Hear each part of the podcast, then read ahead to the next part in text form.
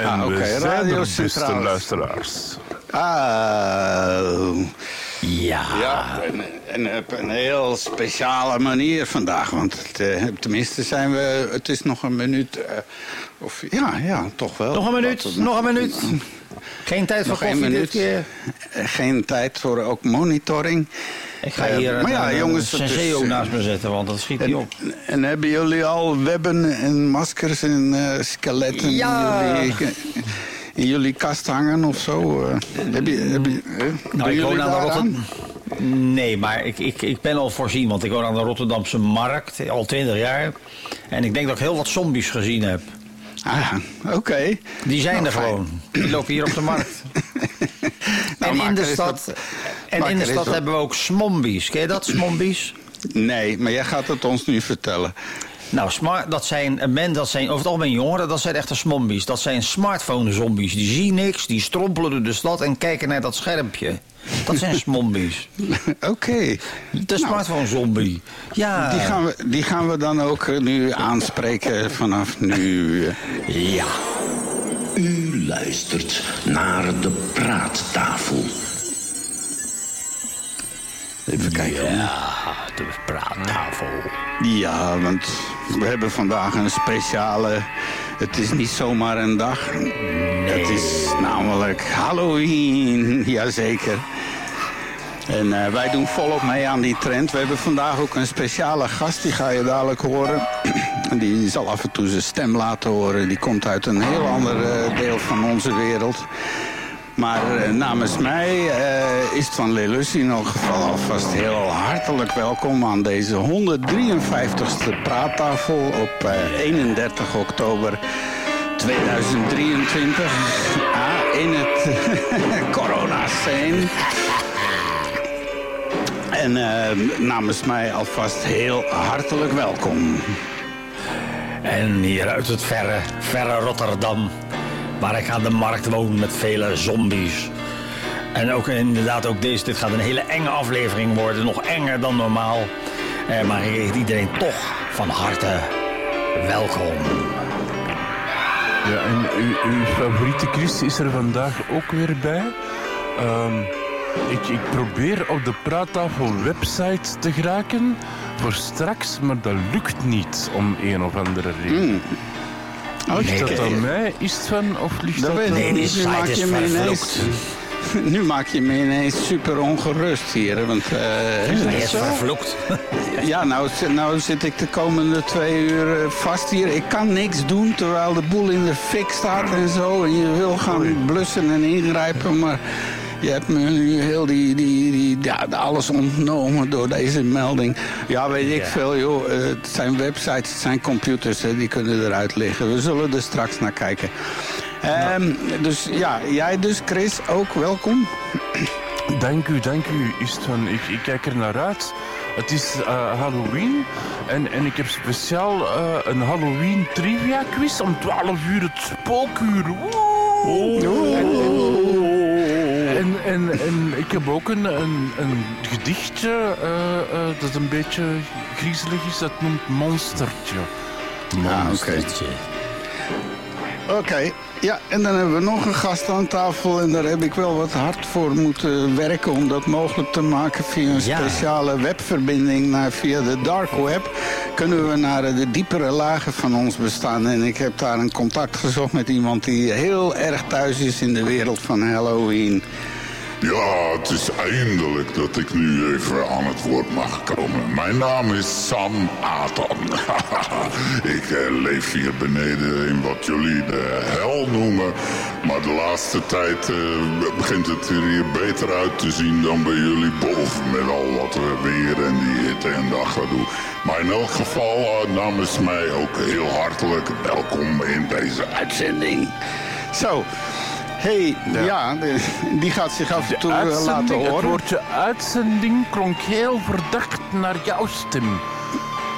Ja, dat is een crossfader. Dat is een crossfader Ah, hier. Ja, Ah, moet- het, is, het- het is overschakelen en zo. Jongens, de- doorprikt nou de illusie niet. Eh, Waar is Ah, het nou? sorry. Sneerdag?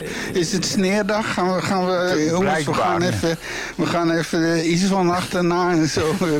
Ja. laaghangend Het is misschien iets te vroeg voor Chris. Dat zou kunnen. Ja. Oké. Wie zal het zeggen? Wie weet. Ja.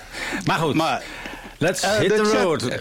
Ja, Yes. de chatroom is open. Ik moet er zelf ook nog in geraken. Hebben we daar al aan Ja. gedacht? Oké. Eh, ik heb alleen een wit blad. Eh, Oké, wij gaan, ik, ik meld me gelijk even aan. En dan, En dan eh, zitten we ook gelijk inderdaad. naar de Juist, chat. ik ben er al. Kijk, ik zie mezelf al staan. Bij jullie werkt Ja, dat dus. ik, ja, ja. Ja. ja, Jij moet gauw een euro in die router steken, dat ding, die, die box. Ik, ik denk, nee, mijn AVG eh, eh, eh, zegt... eh, Virusscanner. eh, mijn- ja, mijn, mijn, mijn virusscanner, die, die heeft eh, eh, een update gedaan. Misschien is het dat. Ja, ja. Nou, je kan via een tablet Nee. of eh, een, een ander Nee, ding. Dat is het niet, want ik heb hem afgezet en ik raak nog altijd niet in...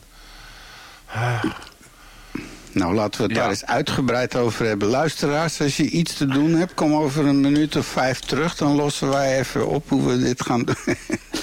Ja, we zetten even alles op pauze. Omdat eh, onze favoriete Chris niet op de website geraakt. ja, Nee, maar- nou ja, laten we hopen dat het zichzelf herstelt. Dat gebeurt ook met enige regelmaat. En we moeten gewoon Ja. voor de luisteraars niet laten bungelen. We moeten gewoon van start gaan. En eh, aldoende Inderdaad, proberen... Mario, je hebt gelijk. En weet je Ja. dat er vandaag in de geschiedenis van alles gebeurd is? Zo, Ja, van alles. eens. Ah, wel, de, een van mijn favorieten eh, uit het verleden is, is op deze dag in 1926 overleden. Oh, En nu Oh. vraag je je af, wie is dat dan? Hè? Ah, wel, dat was de allergrootste Harry Houdini. Oké. Ja, op, op 52 jaar is hij overleden. Hè. De Amerikaanse boeienkoning had eigenlijk Hongaarse roots, als ik me het nog goed herinner. En als ik het me nog goed herinner, maar dat stond er niet bij, kwam dat uit een maagperforatie. En dat kwam omdat hij aan een student bokser had gezegd ooit van ja, maar je kan in, in mijn buik slagen zo hard als je wil, ik kan daar tegen. En die student sloeg voordat Harry Houdini eigenlijk klaar ervoor was. Dus, eh, en daar was zijn maag door geperforeerd en, en dat is nooit niet meer echt goed gekomen. Zwat. In 1951, het eerste zebrapad wordt in Groot-Brittannië in gebruik genomen. Wat heel belangrijk is, Door de zeven Beatles. jaar later... Nee, nee, Ja. zeven jaar later door de Beatles. Of, of 17 jaar later door de Beatles. Zwat. Ehm, we, we moeten dan meneer Zebra of meneer Pat, ik weet het niet, een van de twee heel dankbaar zijn, hè, omdat hij dat heeft uitgevonden. In 1952, ehm, de ontploffing de allereerste waterstofbom op het atol. Eh, Eniwetok, Eniwetok, Ja, zoiets. In die water. Eniwetok. Ja, ik krijg geen ziekte ineens, dat raar dat noemt zo. En dan in 1953 de eerste televisieuitzending in België door de Nationale Instituut Ja. van de Radioomroep. Vandaag, of de vandaag. NIR. Vandaag, ja. En dan in 1975 de single Bo- Bohemian Rhapsody van de rockband Queen wordt uitgebracht. Ook op deze dag. En dan in 2005, neem ik nog ineens een sprong. De United Nations Environmental Program, of UNEP, publiceert, met, eh, een atlas met veranderingen in meren in Afrika als gevolg van de klimaatverandering. Toen al. Het Tjaadmeer is massief verkleind. De oevers van de Nakura-meer in Kenia zijn ontbost. En de oevers van het Victoria-meer zijn sterk bevolkt gedurende de laatste tiental jaren. Swat. In 1996 Philips kondigt aan te stoppen met de productie van een digitale compactcassette. Eh, heb jij dat ooit gebruikt? Is van de digitale compactcassette? Ja, totdat we hoorden wat het deed met het geluid. En van, dat zullen we maar niet meer doen. Nee, dat was... Oh ja, de Ja, minidisc was dat toch? Nee, nee. Philips heeft op een gegeven moment eh, zo tegen de, da- de dat in, weet je wel. En dus ze dachten Oh, van, ja. Wij kunnen op een gewone standaard cassette digitale audio wegschrijven en zo. Ja, ja. Ja, maar het was geen standaard cassette, hè, want ik heb hem gegoogeld en, en het zag er toch wel iets anders uit. Een beetje tussen een VHS-E en, en een gewoon cassette. Daar ergens tussenin zo. Ja, ja. Maar, echt, wat. maar wel een En magneetdrager dus. Ja, maar niemand gebruikte dat blijkbaar. Nee, nee. En dan vandaag is het Halloween, hè? Het, Ja. het griezelfeest Halloween betekent letterlijk de avond voor Allerheiligen. En Halloween wordt dan ook jaarlijks op 31 oktober gevierd. De dag is met name populair in de Verenigde Staten en ook wel in Engeland. Maar langzamerhand verspreidt het feest Ja. eh, eh, over heel de wereld. Ja, dat noemen ze het middenstandsvirus. All hello's. Ja. Ja. Eh, maar het is vandaag ook het Hervormingsdag en de Internationale Dag van de Stad en Wereldbespaardag. Dus dat is al iets, hè? Dus morgen is het dan Allerheiligen en de dag van de bouwkostendeskundigen. Want die bestaan ook. Wat dat ze ook doen, geen idee, maar ze bestaan. En ze hebben een dag. Bouwkost. Wat doe je voor je vak? Ik ben bouwkostendeskundige, maar ik heb wel mijn eigen dag. Heel bijzonder. Ja, ja, en dat is na Halloween die dag. En dan donderdag is het Allerzielen en Wereldveganisme-dag. Oké. Ik, ik zie het verband niet direct, of misschien wel, ik weet het niet. Ik- Het klinkt inderdaad nogal eh, on- ongerelateerd, zou ik maar zeggen. Ja, hè. en dan vrijdag is het Wereldkwallendag. Dus Oké. Een dag voor Istvan. hè, Ja. Republiek... Nee, dat is een republikeinse... Jongens. Heerlijk, hè? En zaterdag, ja, Vooral het is als een fantastische dag vandaag. En zaterdag Ja, ja. is de internationale dag van de medische fysica. Dat is dan voor Mario, Oh. medische fysica, wat doen die? Nou ja, dat is de wetenschap die probeert eh, natuurkunde te gebruiken, neem ik aan, in de medische wereld. Dus dat zal wel gaan over eh, innovaties in apparaten die ze gebruiken bij operaties en dergelijke. Een Vermoed ik. biomimicry-achtig iets ook misschien. Nou ja, het is, medisch. Het is een medisch, eh, ja. Net- Ja. ja. En wereld is... Op wereld. Zondag is het Wereld Tsunami-dag. Oh, hoera, we hebben weer een tsunami. Ja, bizar zeg. Wat moet je... Het is meer een herdenking dan, zou ik zo zeggen. Dat, waarschijnlijk, ja. Niet van we hopen dat hem zondag komt. Nee, nee, het is zo van oh, het is jammer dat hem geweest is. Ehm, ben ik, dingen- het, het lijkt weinig, maar er, er waren heel veel oorlogsdingen eh, eh, van, op, op deze maand en, en deze dag. Ik heb die geschrapt. Want ik ben oorlog, hoe Ja. erg dat het ook is, maar ik heb het even gehad, eerlijk Ja, gezegd. Ja, de- deze even geen Gaza, geen niks, niks en zo. Ja, maar ook daar in Rusland, die, die dan Joodse door, vliegtuigen gaan bestormen. En, en dan Ja, joh. Een, een, een mens vast hebben waar dat ze denken dat hij Joods is en, en hem kan ophangen, maar dat bleek dan geen Jood te zijn. Het, ik heb het gehad, even. De wereld Laten staat in het brand. daar maar bij houden. Het is, Ja, het, het wordt het- maar het gekker en gekker. eh. Ja, Wat ik wel heb... Daar, eh, de wereld staat in brand. Ik bedoel, hier beneden is het dan nog lekker koel eigenlijk hoor. Eh, want eh, Ja, Ah, oké. daarboven eh, maken jullie daar maar een zootje van, vinden wij hier beneden. Eh, ja, dat heet dan de hel, maar voorlopig hebben jullie daarboven ook Ja. een prima zootje met helmoed. Ja, oké, ça va. Maar er zijn goede dingen ook. Want ik, echt mijn liefde voor ChatGTP is aan het groeien dat niet normaal is gewoon. Oké. Ja, ehm, ik moest twee e-mails schrijven gisteren. Eentje was naar de stad Antwerpen om... Ja, eh, brommer, nummerplaats. En, en die, die is ooit weggesleept, maar die staat nog steeds ingeschreven. Dus ik blijf verzekering betalen. Alhoewel dat hij eigenlijk al een half jaar zou moeten uitgeschreven geweest zijn. En toen, Oké. Ik dacht, goh, moet ik een mail sturen? Witte? Ik ga ChatGTP gewoon hem laten opstellen. En die deed dat perfect. Heel schoon, alle punten juist, heel beknopt. Ja, mooi hè. Ja, Ja. maar dat is het gekste niet. Het gekste was, ik moest aan mijn leerkracht elektronische muziek ook een mail sturen. Ten eerste om te verschuldigen dat ik niet geweest was vrijdag. En of dat er eh, opdrachten zijn. Ja. En ik dacht, ja, laten we dat eens door ChatGTP doen. En de eerste versie was ja, heel gewoon, heel zakelijk. Maar ik dacht, ja, weet je, dat kan ook beter, ChatGTP. En dan kwam het. En ik ga hem even voorlezen. Dus, beste professor Tom, ja, ik noem mijn leerkrachten altijd professor, die vinden dat heel leuk.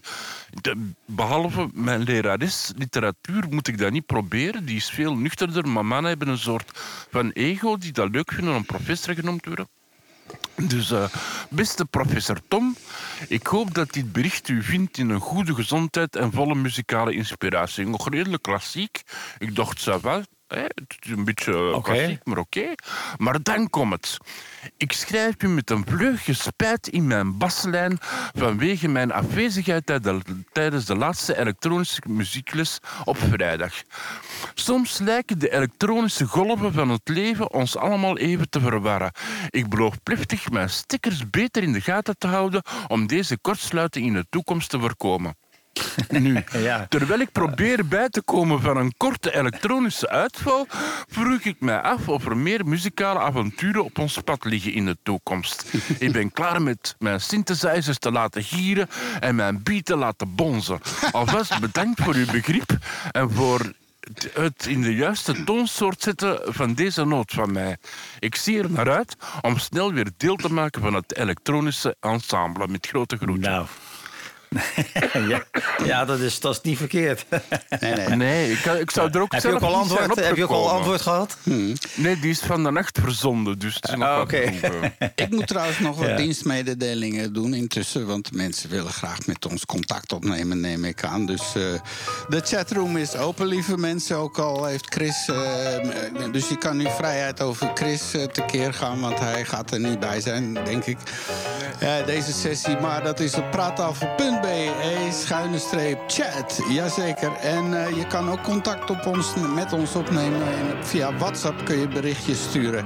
En het nummer is 0468 230764. Dus 0468 23 07 64. Op eh, WhatsApp kun je ons bereiken. Eh, nou, niet zozeer om te bellen, maar we horen wel graag berichtjes. En als je vragen of opmerkingen hebt. En zeker voor straks met de quiz. Eh, met de quiz moet je meedoen, maar dan moet je naar de praattafel. .be komen en op de rode knop drukken en dan spring je vanzelf op de chatroom. Ik zou zeggen, dat waren de dienstmededelingen. Dan een kort overzicht. We hebben dadelijk een blokje nieuws. Eh, in biomimicry eh, gaat Mario het hebben over onze oogprotectie. Dan hebben we in eh Pek en Veren iets over de heer Thierry Baudet, onze grote vriend daar aan de overkant van de grens. En, en eh, van babymoord verdachte influencers. eh, ik heb dit niet met opzet gedaan. Een heerlijk mens. En dan om 12 uur onze quiz. En die staat helemaal in het belang van Halloween. Dus dat zijn vragen van... eh, Oh, daar kan ik ook aan meedoen. Ik weet alles van Halloween en al die sukkels die hier belanden. Oké. En dus de quiz, ja meneer, nou ja goed, het eh, stinkt wel uit zijn bek vind ik. en dan in rondje Ja, Cosmos één artikel, eh, wat, eh, een, een artikel wat kwijt is. Ah ja, ze krijgen een capsule met een wetenschappelijke schat niet echt open of zo. Dat schijnt een heel probleem te zijn. En dan eh, iets over, ja, weer over zwarte gaten. Dat is de ongoing ding. En dan kosmische alchemie. Dus de James Webb eh, krijgt, kijkt hoe we lood en eh, ijzer maken en weet ik het allemaal. Dan hebben we het. zo tegen half één het eh, wekelijkse brokje gedicht erbij. En eh, je- hebt weer iets bijzonders gevonden daarvoor, Chris. Ja, eh, eigenlijk niet. Het is weer van Kees Budding en ik blijf hem elke week maar blijkbaar opnoemen. En het, het is ja, het, een van de leukste gedichten die ik gevonden heb, of tenminste ChatGTP, eh die hem niet zelf verzonnen heeft, die van een echte schrijver kwam en, en die iets of wat met Halloween te maken had. Trouwens, eh, ik zit nu wel in de chat, om- omdat ik dan praattafel en dan .be en dan schuine streep chat wel werkt, maar in de praattafel zelf krijg ik niet, maar in de chat wel. Dus dat is al iets, omdat dat, eh, ja, zwart. Ja. Oké.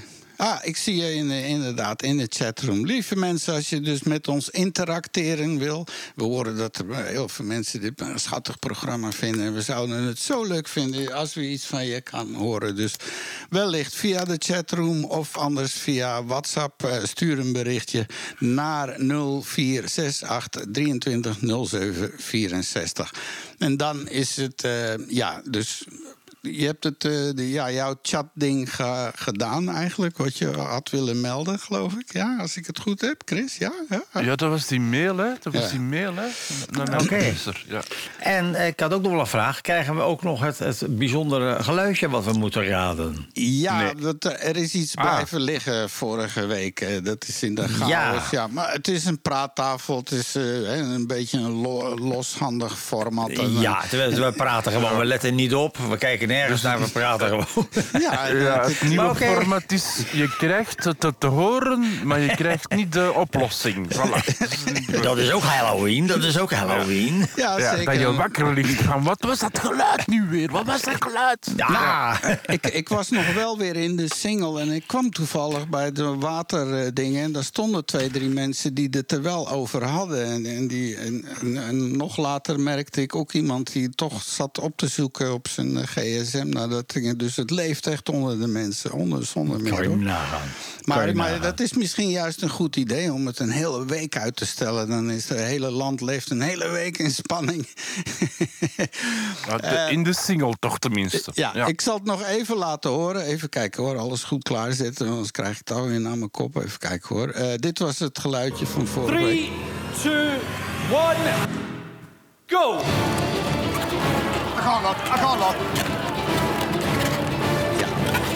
Ja, dat was dat ballonsbouwen. Ja, precies. Nou, je zegt het al. Dat was dus het wereldrecord eh, ballonfiguren maken in één minuut. Dus eh, Ah, de gelijk. Oh, dat is... Dat is ja, Ja, nee, ik wist dat, ik hoorde zo... Ik denk, ja, Ja. dat is ballonbouwen, dat weet ja, dat, iedereen. dat hoorde ik ook. Dus ik zat dan te denken aan condooms en dan eh, ballonnen. Ah, en ja, dan- con- condoomblazen. Ja, dat, dat Kan ook. Ja. Kan ook. Dus dat was het. We zetten de link in de show notes. Dat hadden we vorige week moeten doen. Maar ja, voor sommige, sommige dingen glippen uit de hand. En, eh, de- en, En is er dan een nieuw geluidje? Ja, dat is er ook. Ja, ja jaag me niet op. Eh, even kijken hoor. We zijn eh, toe aan geluid nummer 153. Dat wil zeggen het geluid van deze week. En ehm, ja, ik zou er eigenlijk iets van willen zeggen, maar ik ga het niet doen. Want ja, ik, ik zeg maar helemaal Strak niks. Dus, plan. ja, het, het is. eh, Laat maar gewoon horen. eh, Iets van een minuut. Iets wat in één minuut moet gebeuren, zeg maar. Nou. Ja.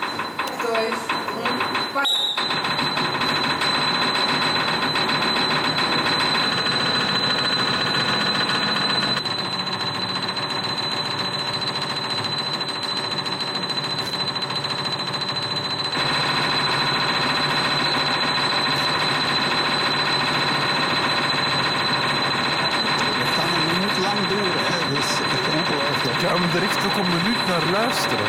Nee, ik zal je de rest besparen. Maar, maar, Oké. Oké, dus zo tegen het eind van de quiz gaan we bekendmaken welk geluidje het is. En eh, ja, eh, het is een. Het Volgens is een, mij Het is wel een Was officieel het een wedstrijd, wedstrijd lopen met Parkinson-patiënten die met een looprekje lopen?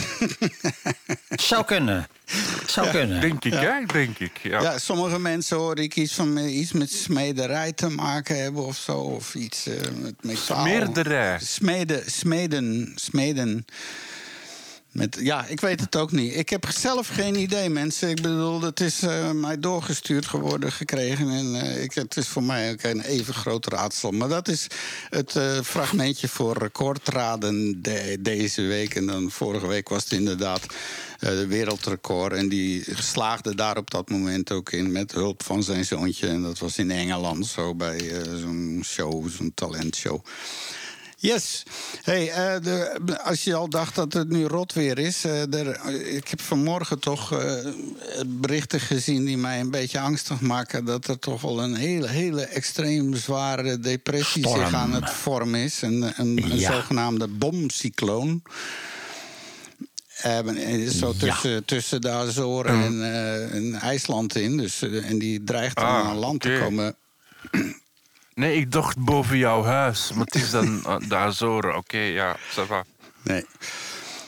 Oké, ja, ik zie het hier staan inderdaad. Een herfststorm, Ciaran, zo heet het. Ze hebben tegenwoordig allemaal een naam, doe maar. En we hadden dat is wel Babette. hè? Ik vraag me af wie die namen verzint. Ja, Volgens mij worden heel, heel, wat, eh, heel wat schoonmoeders worden zo vernoemd, volgens mij. Maar op eh, Maar. BBC stond er toch wel een straffer stuk, omdat hij eh, op een gegeven moment verwachten ze dat hij zeg maar 24 hectopascal in 24 uur gaat zakken, de luchtdruk. Toe, Wa- wat maar. dan inhoudt dat het echt zo'n bomcycloon wordt. En dat was eigenlijk net zoiets als wat in Acapulco hebben we gehoord van die, van die tyfoon die daar aan het land gekomen is. Ja. Eh, ja. Die kwam uit het niets dus, hè? Want daar is nu een hoop Ja. te doen. Normaal zien ze die dingen al op de oceaan aankomen en groeien en zo. En kunnen ze op het laatst toch redelijk nauwkeurig eh, inschatten. Maar dit was natuurlijk aan de stille oceaankant. Dit was niet aan Florida, waar normaal die, eh, die hurricanes allemaal aan land komen. Maar dit ding kwam eigenlijk redelijk uit het niets en is ontstaan in ongeveer een tijdspanne van amper 12 uur. Dus er was geen enkele waarschuwing naar de bevolking. Er was helemaal niets en ineens kablang. En de schade is beyond. eh, Wauw. Nou, dan staat ons wat te wachten eigenlijk dan. ja. En Dus, en eh, ze verwachten nu dat hij dan ergens in eh, West-Frankrijk eh, aan land gaat komen. Maar het kan ook zomaar. Want in Engeland zijn er ook vijf doden geweest met een herfststorm vorige Ja. week. Ik bedoel. Ja. Ah, dat was een storm, echt. Dat was Ja. niet echt... maar oké. Ja, het, het ligt in de lijn der verwachtingen. We lopen te fucken met, het, met het, de opwarming, ja. Het gaat inderdaad gewoon... Die, die anderhalve graad heeft nu al dit soort consequenties. Het gaat toch veel erger worden, denk ik. Mhm. Dus ja, spannend. Zo. En doe je lavalamp niet weg, lieve mensen. Ja, wat, wat, wat is dat nou weer voor een artikel? Ja, Ja, dat, Ja. Is, dat is echt waar. dat blijkt dus eh, een heel groot eh, bedrijf wat dus eh, internetbeveiliging levert. Die gebruiken een kamer met, of een muur met 100 lavalampen. Ja, en waar gaat het nou om? Ja, om, die bedrijven die zijn continu nodig naar nieuwe encryption keys, dus de sleutels van Ja, ik voel hem al aankomen. 256 of, of eh, 512 of 1024 bits is dat allemaal voor supergeheime dingen. En, en normaal een random generator, ja, daar zitten toch nog mogelijkheden in dat dat niet echt random is enzovoort. Dus nu hebben ze hier een systeem dat er een camera gaat langs die lavalampen en, en die trekt elke keer een foto van zo'n ding. En die wordt dan Ja. omgerekend in zo'n dingen, omdat die dus gegarandeerd nooit en nooit twee keer hetzelfde. Dat is echt, echt pure, pure random. Want als je die foto getrokken hebt, zijn het natuurlijk bits en bytes. Hè? En, en die Ja. serie bits en bytes, dat is dus com- continu eh, anders. Dat kan nooit, geen twee keer, eh, zelfs al een milliseconde later is het al anders. Hè? Maar hij trekt die Nou, foto van die 100 lavalampen, niet van één lamp. Nee, hè, van de eentje. Die 100. gaat langs, die gaat langs eh, op zo'n rail rij. glijdt die langs de dingen. Het is eh, zo'n GoPro'tje of zo, een heel klein cameraatje. Wel slim bedacht. ja, maar, eh, dat is gewoon... Zeker. en er staat een YouTube, we zetten de links eh, straks in de show Heel notes. bizar. En, eh, Ja. En eh, dit helpt. En, ja, en het is goedkoop. Want ja, en, en echt een computer dat continu, ik weet niet hoeveel eh, honderden keys per dag of per minuut moet genereren. Dat is hartstikke duur, ook qua rekenkracht. En hier die lampen, eh, die kunnen ze gewoon in de kantine zetten. Ik vind, ik, vind het, he- ik, oh, ik vind het heel ludiek gevonden. Maar Absoluut. Nu ik het zo zie staan, eh, ineens als je er dus inderdaad vijf of zes of acht naast elkaar zet, dat is een veel mooier spektakel dan één zo'n ding. Dus dat geeft mij wel een idee op een nieuwe verzameling die ik. Eh, ja, het, ik, vind, ik vind wel hele leuke lampen, moet ik zeggen. ja, En, en- Ja, ja, vooral als hij in de zetel ligt en, en een joint rookt, lijkt me zo tien lampen naast elkaar heel leuk. Mhm. Ja. Absoluut. Nou ja, we hadden vroeger, eh, toen ik nog een klein knulletje was, hadden we natuurlijk in al die zaaltjes waar je wel eens speelde, de vloeistofprojector. Kan je dat nog herinneren? Oh ja, ik, die hebben wij nog Ja. gehad met onze drive-in deze show. eh, Ja, ja, met Dat zo'n- is eigenlijk net, zo- dat is, een- dat is een beetje een lavalamp eh avant la lettre, zou je kunnen zeggen. De Ja, warmte zorgt ervoor ja. dat, eh, dat die... eh, Ja, dat was zo met twee, drie glazen schijfjes. En tussen elk schijfje zat wat een soort olie zo op elkaar. En dan draaide dat langzaam rond. In, eh, ja, dat was hippie. dat was helemaal hi- hippie-tijd en zo. ja, dat was eigenlijk een, eigenlijk een, een oerlavalamp met steeds veranderende patronen, zeg maar. Op mijn eigen website, uh, istvanlelossi.com, staat er onder andere een foto van die installatie. Dat was ook in de 70er jaren. En dan hadden we dus ook zwaailampen en van die persglaslampen nog, hè, met die eh, kleuren. Oh ja. Nou, eh, enzovoort. Dat was toen eigenlijk eh, de, de hip van de hip, als het ware. Ja, Er zijn nog steeds mensen mee bezig. Hè. Als je YouTube bekijkt, heb je nog mensen die dus in hun shows met, met die... Maar die hebben dan grote glazen schijven met projectors en, en die bewegen dan zelf. Dus dat bestaat nog steeds. Wauw.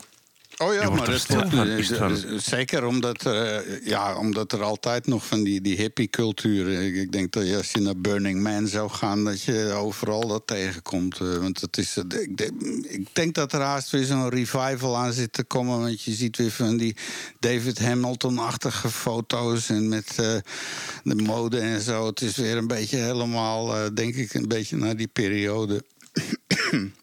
Maar ja, ik volg, Ja. ik volg de mode niet hoor. Misschien zit ik er helemaal naast. Eh, Oeh, lieve jij mensen- volgt de mode niet. En ik zie hier staan, gek of geniaal, iets van Kim Kardashian en Ja. mode. Ja, dat dacht Dus ik je aan door die lavalamp. Nou ja, Oké, ja. als, je, als je dan de foto bekijkt... Ik, ik heb een tijdje la- hadden wij Disney Plus... en eh, heel af en toe... eh, ja, daar kan je het niet laten toch eens kijken. Want die Kardashians, dat loopt dan op die serie. Dat is te walgelijk om naar te kijken. Dat is op allerlei ja manieren. ik, ik, maar dat zijn toch influencers die gewoon helemaal niks kunnen en zijn? Ja, ze waren Dus een dat- van de dat- eerste dat een beetje- reality-tv. Dus er was- ze waren een van de eerste die zoals familie gevolgd werden... en gewoon met hun doen en hun familie. En oh, hij houdt niet meer van me. Oh, en hij heeft iets lelijks tegen mij gezegd. En oh, hij is vannacht niet thuisgekomen. Allemaal... Een beetje de website van... Hallo, ik ben Harry en dit is mijn konijn. Dus het gaat helemaal nergens over. Ja. Ja. maar ze hebben wel geld. Dus, ik- dus ook, ik, ik heb een personal assistant nodig. Dus ik ga er vijf huren. En er valt elke keer eentje af, dus er één en overblijft. Ook zo. Maar wat, wat heeft Kim Kardashian gedaan? Is het van, ik ben heel benieuwd. nou ja, het is het- een geniaal idee. Of ze het nou van haar komen of van wie dan ook. Maar eh, zij lanceert dus een eh, BH met de tepels ingebouwd. Zodat je met een t-shirt eroverheen altijd eruit ziet. Alsof ze lekker eh, eh, koud zijn. En eh, en, eh, nippel, nippel showing. Ja, ja, wat moet je daar nou mee? Ik ben daar geen voorstander van. Want- Dat geldt ook voor, dat geldt voor al dat soort dingen. Ook, ook de push-up bra en, en, en al die corsetten. Ik bedoel, je Dus denkt je dat je zou aan de het niet bar zelf zit. kopen, Mario. Nee, Daar en ik zou. dat- nee, maar het- eigenlijk wat mijn grote bezwaar is, is dat als je dan inderdaad een hele aantrekkelijke dame ziet die er fantastisch uitziet. En je weet haar, haar te versieren, zal ik maar zeggen. En het grote moment is daar. en je ligt in bed en alles gaat uit en het hele bed loopt vol. dus de tieten zakken naar de zijkant en de kipfiletjes plonzen. eh, Je begrijpt wat ik wil zeggen. Dus het is een beetje belazerde kluit. Ja. Ja, of dat het helemaal eh, eh, echt serieus is, moeten we nog maar afwachten. Het zou best ook wel een grap kunnen zijn hoor. Want de video die erbij staat, dat komt uit het laatste nieuws trouwens. eh, die is, eh, dat, dat zou best kunnen. Maar ja, je weet het niet. In ieder geval is het idee losgelaten nu op de, wereld, op de mensheid. En eh, ja, een bepaalde vrouw. Want het, is wel zo, dat valt heel hard op als, als, als een dame. Hè, dat, is, dat is toch nog steeds, ja, een beetje. eh, ja, dat leidt af van bijvoorbeeld mooie ogen of zo. Eh, Ja. Je moet heel voorzichtig zijn tegenwoordig. Hè, met, Ja, is heel gevaarlijk dit. ja, ja, ja, ja. Dus, eh, maar wat ook gevaarlijk is, is een harde schijf weggooien waar eh, 8000 bitcoins op staan. Ja, Eh. ja dan, heb je, dan ben je eigenlijk vet multimiljonair als je dat zou hebben inderdaad. Nou ja. Of 176 miljoen euro.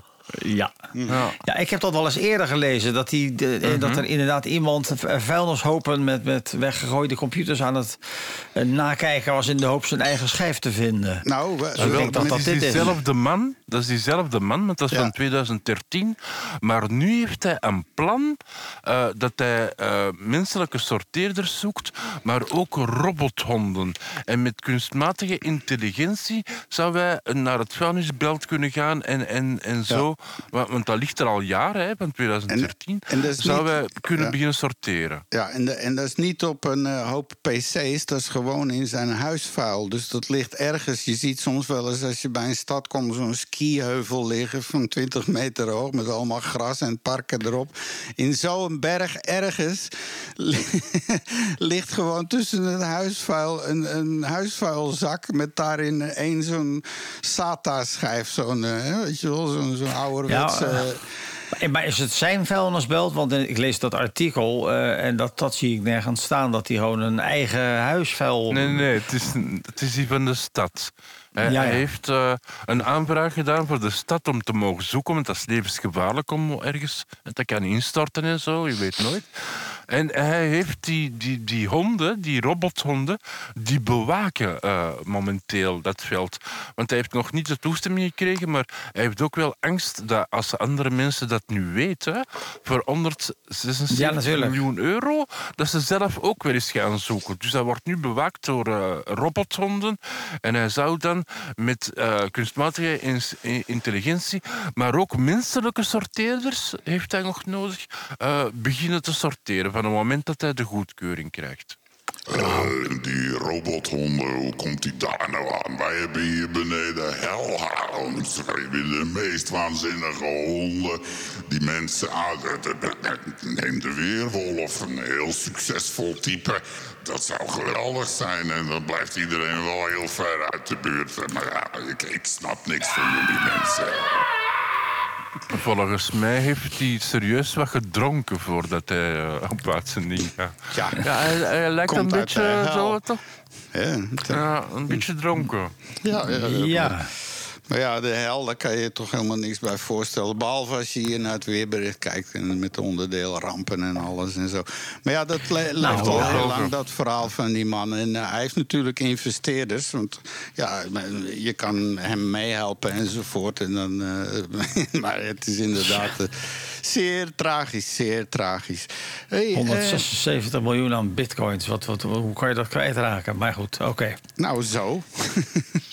Nou, je hebt ook iemand die met 10 bitcoins een, pizza heeft gekocht in de, in de, in de oertijd. Dus dat kan natuurlijk wel, ja. Ja, oké. Absolutely. Nou, doen we het nog eens. Ja. Wat we kunnen leren van de natuur. Trouwens, dat was maar één een bitcoin. Hè. Dus, ik heb dat ooit eens gezegd hier op de uitzending. Bitcoin Day, daar hebben ze een dag voor gemaakt. En dat was de eerste bitcoin die is uitgegeven om een pizza te kopen. En die is nu iets van een 24 miljoen of zoiets. Ik weet niet hoe dat de bitcoin staat momenteel, maar... Ja, dat was de duurste, duurste pizza ooit. ja, ja, ja. En je hebt hele dure tegenwoordig, hè, met bladgoud en... eh, maar oké, ja. Truffels, ja. En maar truffel, maar goed, inderdaad. Niet zoveel, nee.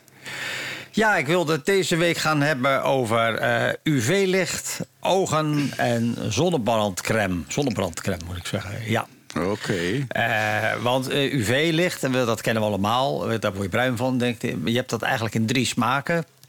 Het zijn kleine golfjes. Wij zien in dat elektromagnetisch spectrum, heb ik al eerder gezegd, zo'n beetje tussen de 400 en de 750 nanometer.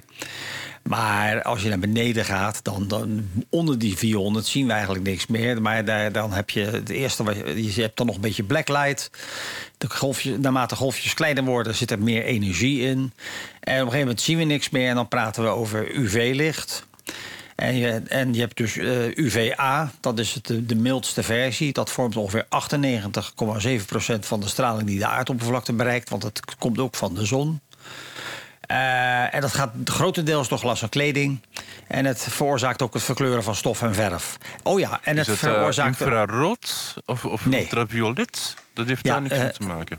Nou, infrarood zit helemaal aan de andere kant van het spectrum. Dus als, je, Ah, ja. als de golven steeds groter worden, op een gegeven moment ga je dan. Ja, dan wordt het zeg maar eh, van heel donkerrood wordt het warmte, wordt het infrarood. En dan ga je naar. Dan krijg je de magnetron En en, dat is de, radio. Dat is mijn Ja. favoriete kleur, infrarood. Ja. Ja, Omdat je dat niet ziet. Ja, alleen maar voelt. Dat is warmte, diepe warmte. ja. Maar inderdaad, het is, eh, dus, maar dat, dat ultraviolette licht, dat is natuurlijk, dat naarmate die golfjes kleiner worden, wordt het gevaarlijker. En dan heb je ook nog UV, UV eh, ultraviolet licht eh, type B, dat zit tussen de 280 en de 320 nanometer. Zijn de golfjes weer kleiner. En dat is maar 1,3% van alle straling. Eh, maar dat zet dus die zuurstof om in ozon en herstelt zo de ozonlaag. Dus dat is best wel prettig. Maar die lullige 1,3% dat is ook wat verantwoordelijk is voor het verbranden en het bruin worden. En het veroorzaakt huidveroudering. Dan heb je ook nog UVC, dus ultraviolet C, maar daar hebben we geen last van, want dat zit, wordt door de, volledig door de atmosfeer tegengehouden. Dat is echt een probleem als je in een space station zit of zo. Maar oké, dat over UV. Wij hebben natuurlijk een heel gevoelig netvlies. En dat, eh, moet on, en, en, eh, dat wordt beschermd tegen UV-schade. En dat doen niet alleen wij, maar heel veel dieren gebruiken daar ook een reeks chemicaliën voor. Zeg, proteïnes zijn het eigenlijk. Met de naam kinurenines. Die concentreren zich in de lenzen van onze ogen. Dus wanneer binnenkomende fotonen van dat UV-licht, fotonen van dat UV-licht, die, die speciale moleculen raken, veroorzaken ze veranderingen die ervoor zorgen dat de verschillende delen van het molecuul opzwellen.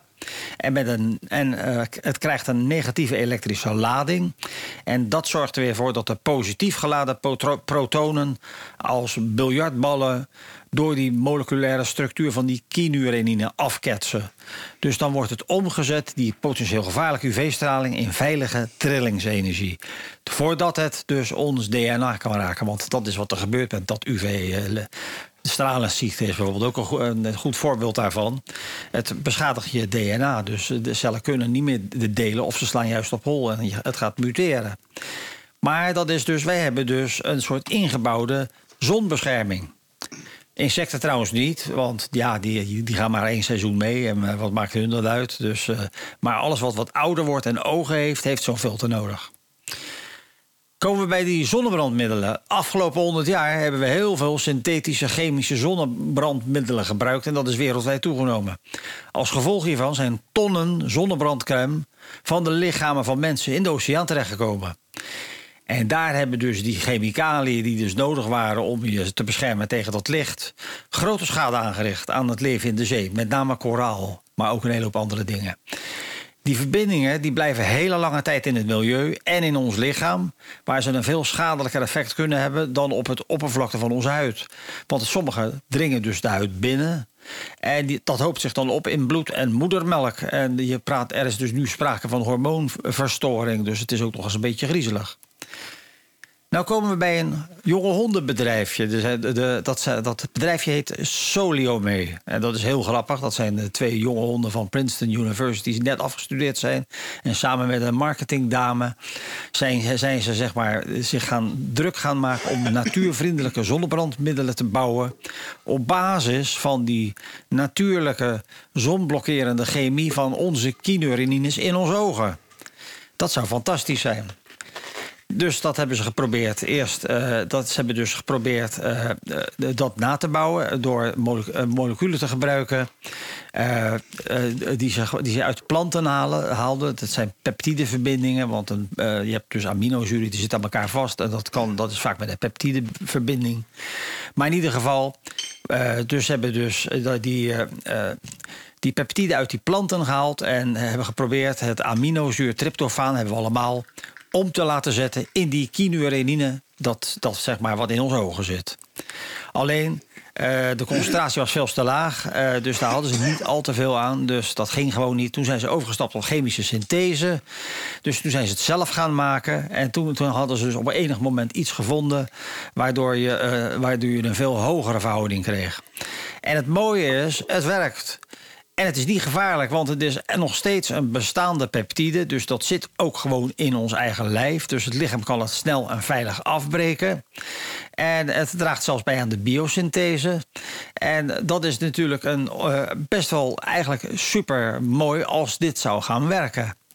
Nou, het is dus nu zo, ik tot slot, ze hebben, eh, in, eh, ze hebben nu op plan om in 2024 dat beschermingsfilter, ze zijn nu zover dat het werkt, eh, gaan ze op de markt brengen. Dat is dus volledig transparant. Transparant, het is licht en biocompatible. Het blijft 24 uur minimaal fotostabiel, dus het blijft lekker zitten. En het wordt gewoon afgebroken en je hebt geen vervuiling. Ze zijn nu startkapitaal eh, in, eh, aan het inzamelen om de productie op te schalen en nog wat verdere veiligheidstest. Eh, en, het is, en dat is eigenlijk een ongelooflijk leuk project. Ze komen uit San Francisco. Het, zijn, ze zijn, het aantal medewerkers is drie, dus het is een piepklein. Uh, ze, nou ja, het, het, is een spin-out van Princeton University. Maar ze, het is niet onopgemerkt, want ze zijn ook finalist van de Ray of Hope Prize van het Biomimicry Institute. Winnaar van de Princeton Keller Center Innovation. Uh, de ondernemersprijs 2022. Finalist bij de Empower 2023 Pitch Competitie. Winnaar van de categorie Industrial Biotech and New Materials. En tweede prijs bij de Hello Tomorrow Global, Global Challenge. Enzovoorts, enzovoorts. Dus dit Ja, ziet er naar uit dat dit gaat werken.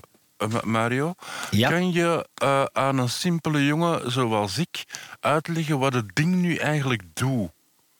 Nou, dat, dat zei ik al. Al Normaal, als eh, de huid geraakt wordt door UV-licht, wat gebeurt er dan? Dat zijn hele kleine, kleine eh, dan, wat dat dan kan gebeuren, denk maar aan melanomen en zo, is dat dat UV-licht zo sterk is dat het het DNA beschadigt. En als DNA beschadigd wordt, dat zit in iedere kern van onze cel.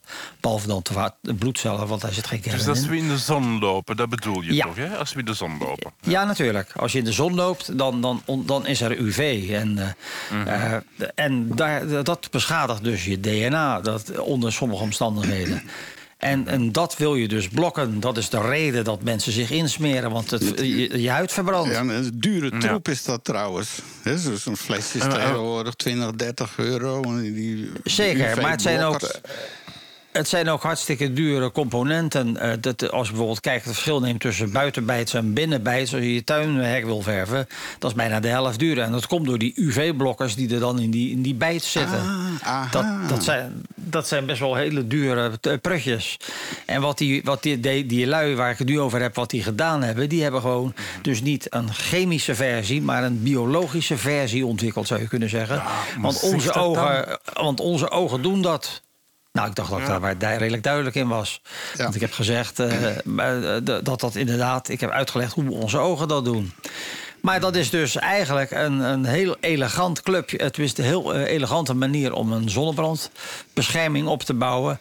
Door een paar hele jonge mensen die gewoon een gat in de markt hebben gezien. En het ziet er naar uit dat het ze gaat lukken. Want eh, het staat op stapel om in 2024 volgend jaar dus op de markt te komen. Dus dan zou ik alleen maar zeggen: hulde, Alright.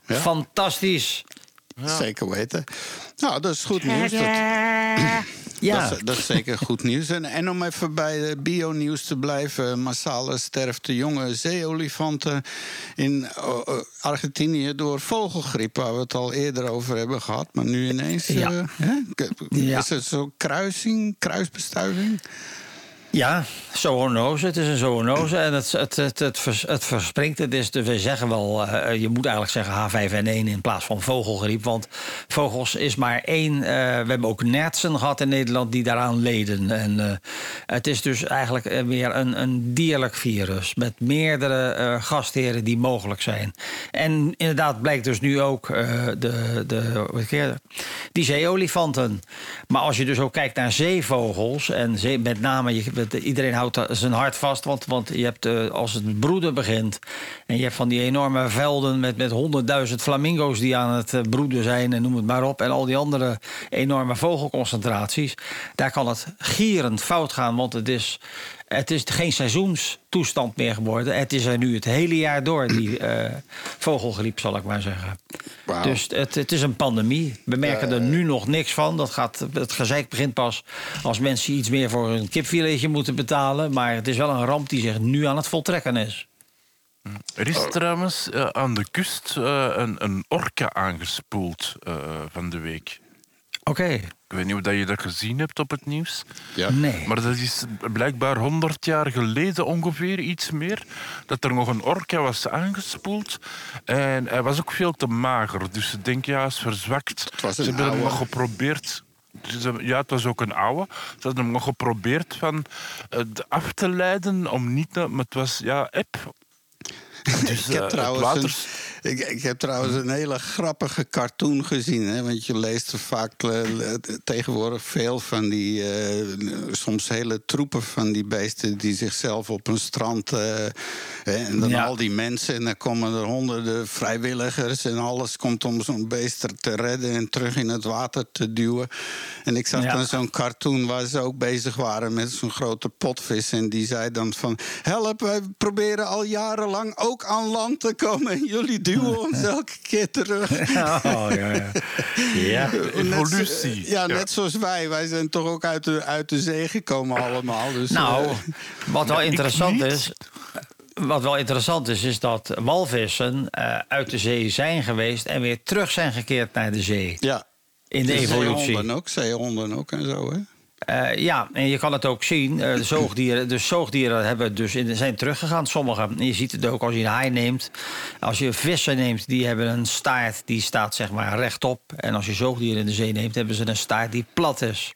En daaraan kan je ook een beetje zien dat dat zeg maar een aangepast bekken is geweest. Want dat waren vroeger natuurlijk twee poten. Ja, ja. Hey, ja, we moeten eh, rap door naar het volgende. Maar even tussen de twee dingen door. eh, en even nog eens een keer luisteren naar recordraden. Ik zou jullie niet vermoeien met een heel lang stukje. Maar dit gaat ongeveer een minuut zo door.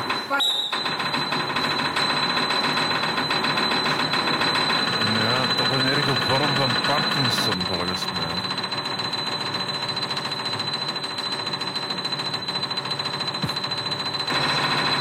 Ja, het kan iets van een wapen zijn of zo. Goh, ik zou het Een ook niet wapen? weten. Ja, ik weet het niet. Het, het, is, het is iets, ik kan het zelf niet, niet goed plaatsen. Maar, dus eh, raad maar mee. Kom naar de chatroom. Lieve mensen, doe dadelijk mee met de speciale Halloween quiz. En eh, onze gast die gaat ook volop meedoen. Jazeker, want ik weet heel veel van eh, de onderkant, namelijk de hel. Eh, bij jullie staat die nogal slecht aangeschreven, maar als ik zie wat er daarboven nu allemaal aan de gang is... Ik zou één advies geven. Als je je probeert te gedragen om niet in de hel terecht te komen... laat dat wat los, want als je hier aankomt... zul je merken dat het een stuk beter is dan daarboven. Alsjeblieft. Nou, eh, dat is toch doe wel een maar. hele omslag in het christelijk denken. In het van, denken. eh, eeuwige Ja, Is het verdoemenis. van, maar ben, je niet zeker dat het familie, verre familie, dat, dat klinkt wel erg. Nee, het is ver- verre familie Het- van. Mephistopheles. Mephistopheles. Ja. En, En eh, Beelzebub, dat is zijn broer, geloof ik. Ja, Ja. Big. Maar het is inderdaad. Je hebt maar we hebben natuurlijk, je hebt de, hel en je hebt de hemel. Ik, ik, heb- persoonlijk hoef ik ook zelf niet naar de hemel. Want ik weet eigenlijk absoluut zeker dat ik daar helemaal niemand ken. dat Wist je trouwens En, eh, dat ja. in de jaren 70 de katholieke kerk eh, het plan had om, om te zeggen tegen de mensen: kijk, de hel bestaat niet. Ze wouden updaten, ze wouden moderner worden. En ze hadden gedacht van ja, we kunnen de hel afschaffen. Maar ze hebben dat dan op een gegeven moment toch niet gedaan. Enig idee waarom? Nou, En geen flauw idee. nee, dus zeg het maar. Nou, ja, ja dan kwam er iemand in die zei: Kijk, mensen, als, als we nu gaan zeggen tegen de mensen dat de hel niet bestaat, gaan de mensen zeggen: Ja, maar bestaat de hemel dan wel? Dus en dat wouden ze vermijden, dus hebben ze het gewoon gelaten zoals het was. nou ja, het is heel eenvoudig. Wij, de, de, de hemel bestaat, dat is hier en nu. En de hel bestaat ook. En dat is, waar die, dat is die homoseksuele geitenboer in Kabul. Nee, nee, maar er is trouwens, het is ingewikkelder dan dat. Want volgens de katholieke leer is er ook nog een eh, deel, eh, dat noemen ze het voorgeborgde. Dat is bijvoorbeeld Eh, voor de mensen purgatory. die, die ergens opgroeien en in hun leven nooit van dit hebben gehoord. Vage vuur. Ja, het vage vuur, die zijn dan niet goed, die zijn niet slecht. En die komen dan in een soort tussen. Dus dat zijn allemaal van die constructies van de katholieke kerk. Ja. Om maar, om maar iets te kunnen koppelen aan de werkelijkheid op deze aarde. Zo gaat dat. Eh, De, de, de Laag Heilige Geest. Ja, de Heilige Geest is er ook pas na het, na het Nicea van, eh, na, na die kerkvergadering geweest. De, hoe heet het ook alweer? eh, De, het concilie van Nicea of zo. Hoe heet Ja. dat? Oh ja. Daarvoor hadden ze klaarblijkelijk dat niet. Dus, dus ja, ineens hebben, ze- is dat dus geponeerd. Ik was daarbij Ja. bij dat concilie, dat wisten ze hier. Maar dat zijn allemaal stel idioten die met hun eigen macht bezig waren. Nou, het is wel een interessante gedachte. Want, want als, dat dus, als het dus inderdaad geponeerd is... en eh, dus een stelling is, dan hebben we een heilige geest... dan, hebben we, ja, dan, dan, dan kan je wel alles eh, Ja, aannemen. gast ik bedoel moet dan... ik trouwens niet meer hebben. Als de gauw ik die zie, dan wordt het matter, weet je wel. Dat gaat niet goed. Nee, nee. Die moet gewoon ik bij zijn trouwens- eigen familie blijven daar in de hemel. Ja, kruip Dat terug onder je steen. Ik heb ook gehoord het verhaal dat... ehm, want wij hebben geen... eh, ehm, hoe noem het daar? Dat- Dat je sterft en teruglevend wordt. Reïncarnatie. Ehm, reïncarnatie. In principe hebben we dat niet, alhoewel het de Bijbel vol staat. Jezus zelf is teruggekomen. Je hebt Lazarus die, die terugkwam. Maar reïncarnatie, in principe hebben we dat niet. Eh, Maar vroeger zouden we dat wel gehad hebben.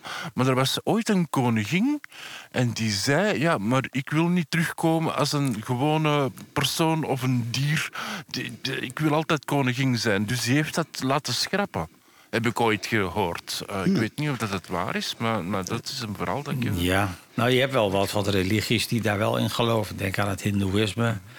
Eh, en ook wel het eh Confucianisme, geloof ik. En ik kan me dat Als ook wel wat herinneren. zou jij willen terugkomen, Mario?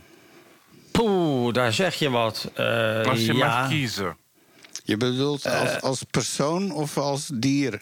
Of als wat dan Nee, ook? je mag kiezen. Je mag kiezen. Het is Als wat? Oh, oké. ja. Ik denk aan Ja, dat is ook echt... Ja, Als ik onze kat, onze, het leven van onze kat zie, hè, dat is eh, slapen, vreten, een beetje op jacht hier. Af en toe is een muis vangen, af en toe dit en verder. To- helemaal totaal in het moment, helemaal alleen maar gericht op gewoon welzijn en, en efficiëntie. En zo weinig mogelijk doen. En, ja. Nou ja, zeker. Over het algemeen moeten dieren echt alleen maar de hele dag bezig zijn met scharrelen om hun eten bij elkaar te krijgen. Dat lijkt me redelijk vermoeiend bestaan. Als je bijvoorbeeld eh, neemt bijvoorbeeld, eh, een, een, eh, een panda, die, die, die eet voornamelijk, die eet eigenlijk alleen maar bamboe. Er zit bijna niks in, dus die moeten van de 24 uur moeten ze het bijna 18 uur eten, willen ze dus zeg maar kunnen blijven bestaan. En de rest slapen ze. Dus, dus ja, Maar ja, katten- er En zijn weinig dieren die het makkelijk hebben. Maar een, maar een huiskat is inderdaad, een, daar zou ik misschien ook wel voor gaan. Hè? Maar dan Istvan, de, de kat van Istvan dan. Ja, in zo'n Ja, situatie wel. want in zo'n het- situatie, Je kan ja. toch minder. En hoe zou jij dan terug willen komen? Ja. Oh, ik vind mij redelijk perfect zoals ik ben eigenlijk, eerlijk gezegd. Maar toch, als ik dan toch moet kiezen... Misschien een, een, een heel mooie vrouw. Oh, Ja, oké. Dan heb ik dat ook eens gehad. Ja, Steve Martin heeft wel eens, Steve Martin heeft wel eens gezegd... eh, ik zou nooit vrouw kunnen zijn. Ik zou de hele dag met mijn borsten zitten te spelen. Dus ja, De kans is groot. Ja. de- Ja, dus dat is eens, lastig. eh, ik had ooit eens met Wim Gijzen een installatie op een groot festival. eh, misschien heb ik dat eens verteld al. En, en daar hingen we. Een, eh, daar was een spiegel. De spiegel van de samenleving. En daar hingen allerlei stellingen. En mensen konden voor die spiegel gaan zitten en een eh, stelling poneren. Maar achter die spiegel stond een camera. En dat had ik zo gemaakt, zodat mensen die camera niet zien, dat ze zichzelf zien, waardoor het eh, opnemen ja, anders werkt. eh, want een camera kan nogal intimiderend zijn of zo, weet je wel, afleidend. ja. En, en dan hadden we één stelling van eh, wat, de wereld zou een betere plaats zijn als vrouwen het voor het zeggen hadden. Dat was een van de stellingen. En, en, en ook daar kwamen allerlei reacties op. En van een eh, grappige man, dat was eh, zo'n beetje Indisch type, was heel grappig. Ik zou geweldig vinden, ik zou geweldig vinden. 26 dagen gaat het fantastisch en, en twee dagen moet je in dekking gaan. Per maand. Oké. ja.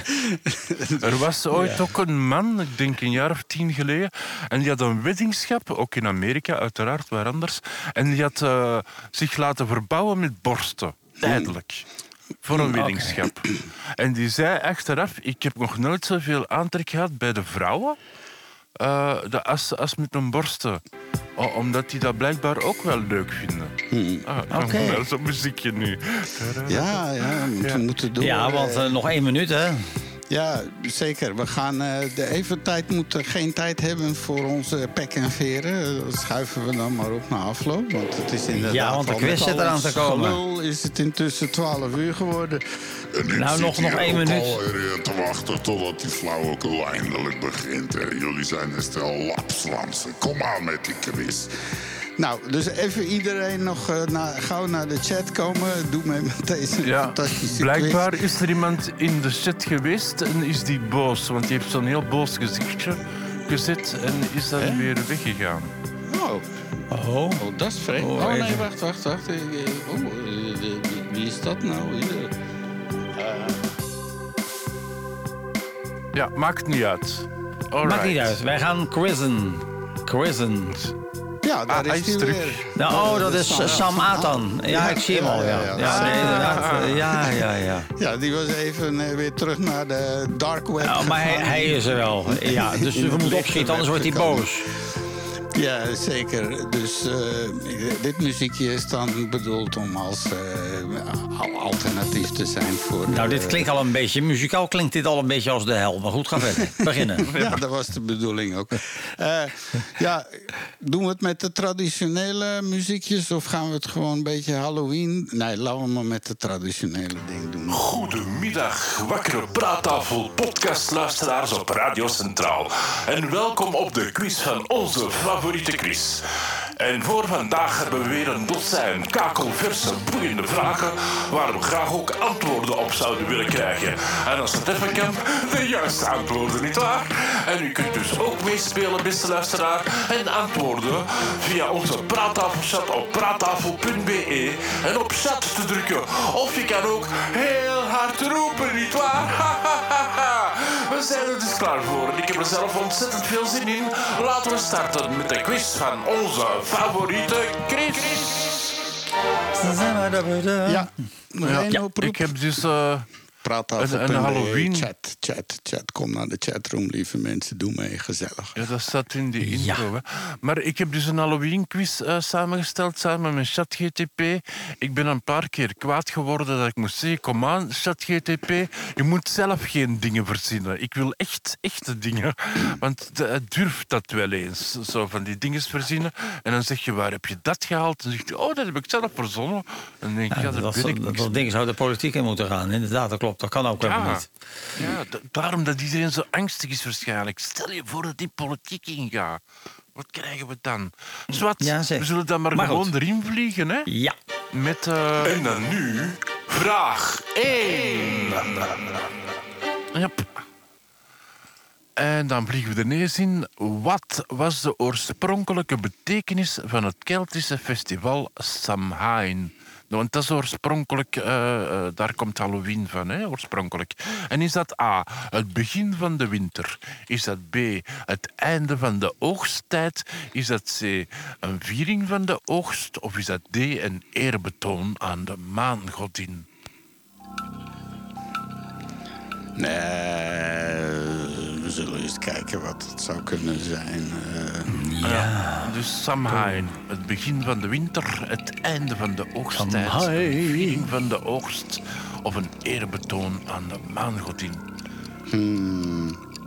Ik vond het van de nacht en, en de nacht ervoor heel licht. Was het volle maan? Ik heb het ja, niet ja, kunnen zeker weten. Ja. Maar er was heel veel toeval. Dus, eh, Nee. Alright. Eh, bom, bom. Ehm, eh, Mario zegt E. En dat heb ik niet. En Istvan zegt D. En Sam zegt ook D. En dat is een eerbetoon aan de maangodin. Dat was het allemaal niet. Want het was B, het einde van de oogsttijd. En de Kelten Ah. vierden Samhain om het einde van het oogst en het begin van de donkere wintermaanden te markeren. Ja, Aha. ik, ik heb niks met die Kelten. Die hadden namelijk geen hemel en ook geen hel. Dus dat was geen job voor ons. Er was helemaal niks te doen met die sukkels. Oké. Ja. Ja, we krijgen zo nog een stukje... Die Nou, ja. al een tijd mee natuurlijk, die makker. Maar dan, dan praten we over de oertijd. Dat hadden we in Nederland natuurlijk ook. Wij hadden de hunnen. Hè. We hebben hunnenbedden gehad. En er waren En eigenlijk twee volkeren. En de zijn. Ja en, er zijn, ja, en er zijn twee volkeren eigenlijk. En je had, wel, je had dan in die tijd, in de steentijd, had je de hunnen en de onzen. En wij, wij zaten bij de onzen en, die hebben gewonnen. Ja. Oké, eh, En dan vraag 2. Welk sinister wezen wordt geassocieerd met Transylvanië en is berucht om zijn bloedlust? Is dat A, een vampier, B, een weerwolf, C, een zombie of D, een geest? Of F, een Lil Ossie. Kan ook, hè? Uit die contraien daar.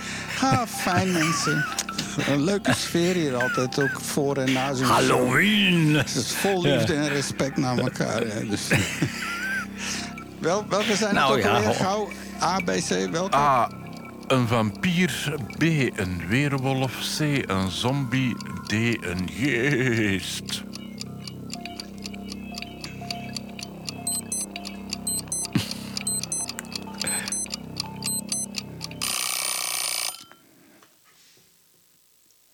Ik zal je eens wat vertellen. Het is allemaal tegelijk. Jullie weten daar niks van. Dat is mijn domein. Eh, het was een zombie die we hebben laten overnemen door een bepaalde geest. En vervolgens hebben Trek we. je die zijn dan- microfoon eens uit. Wat is dat nou zeg?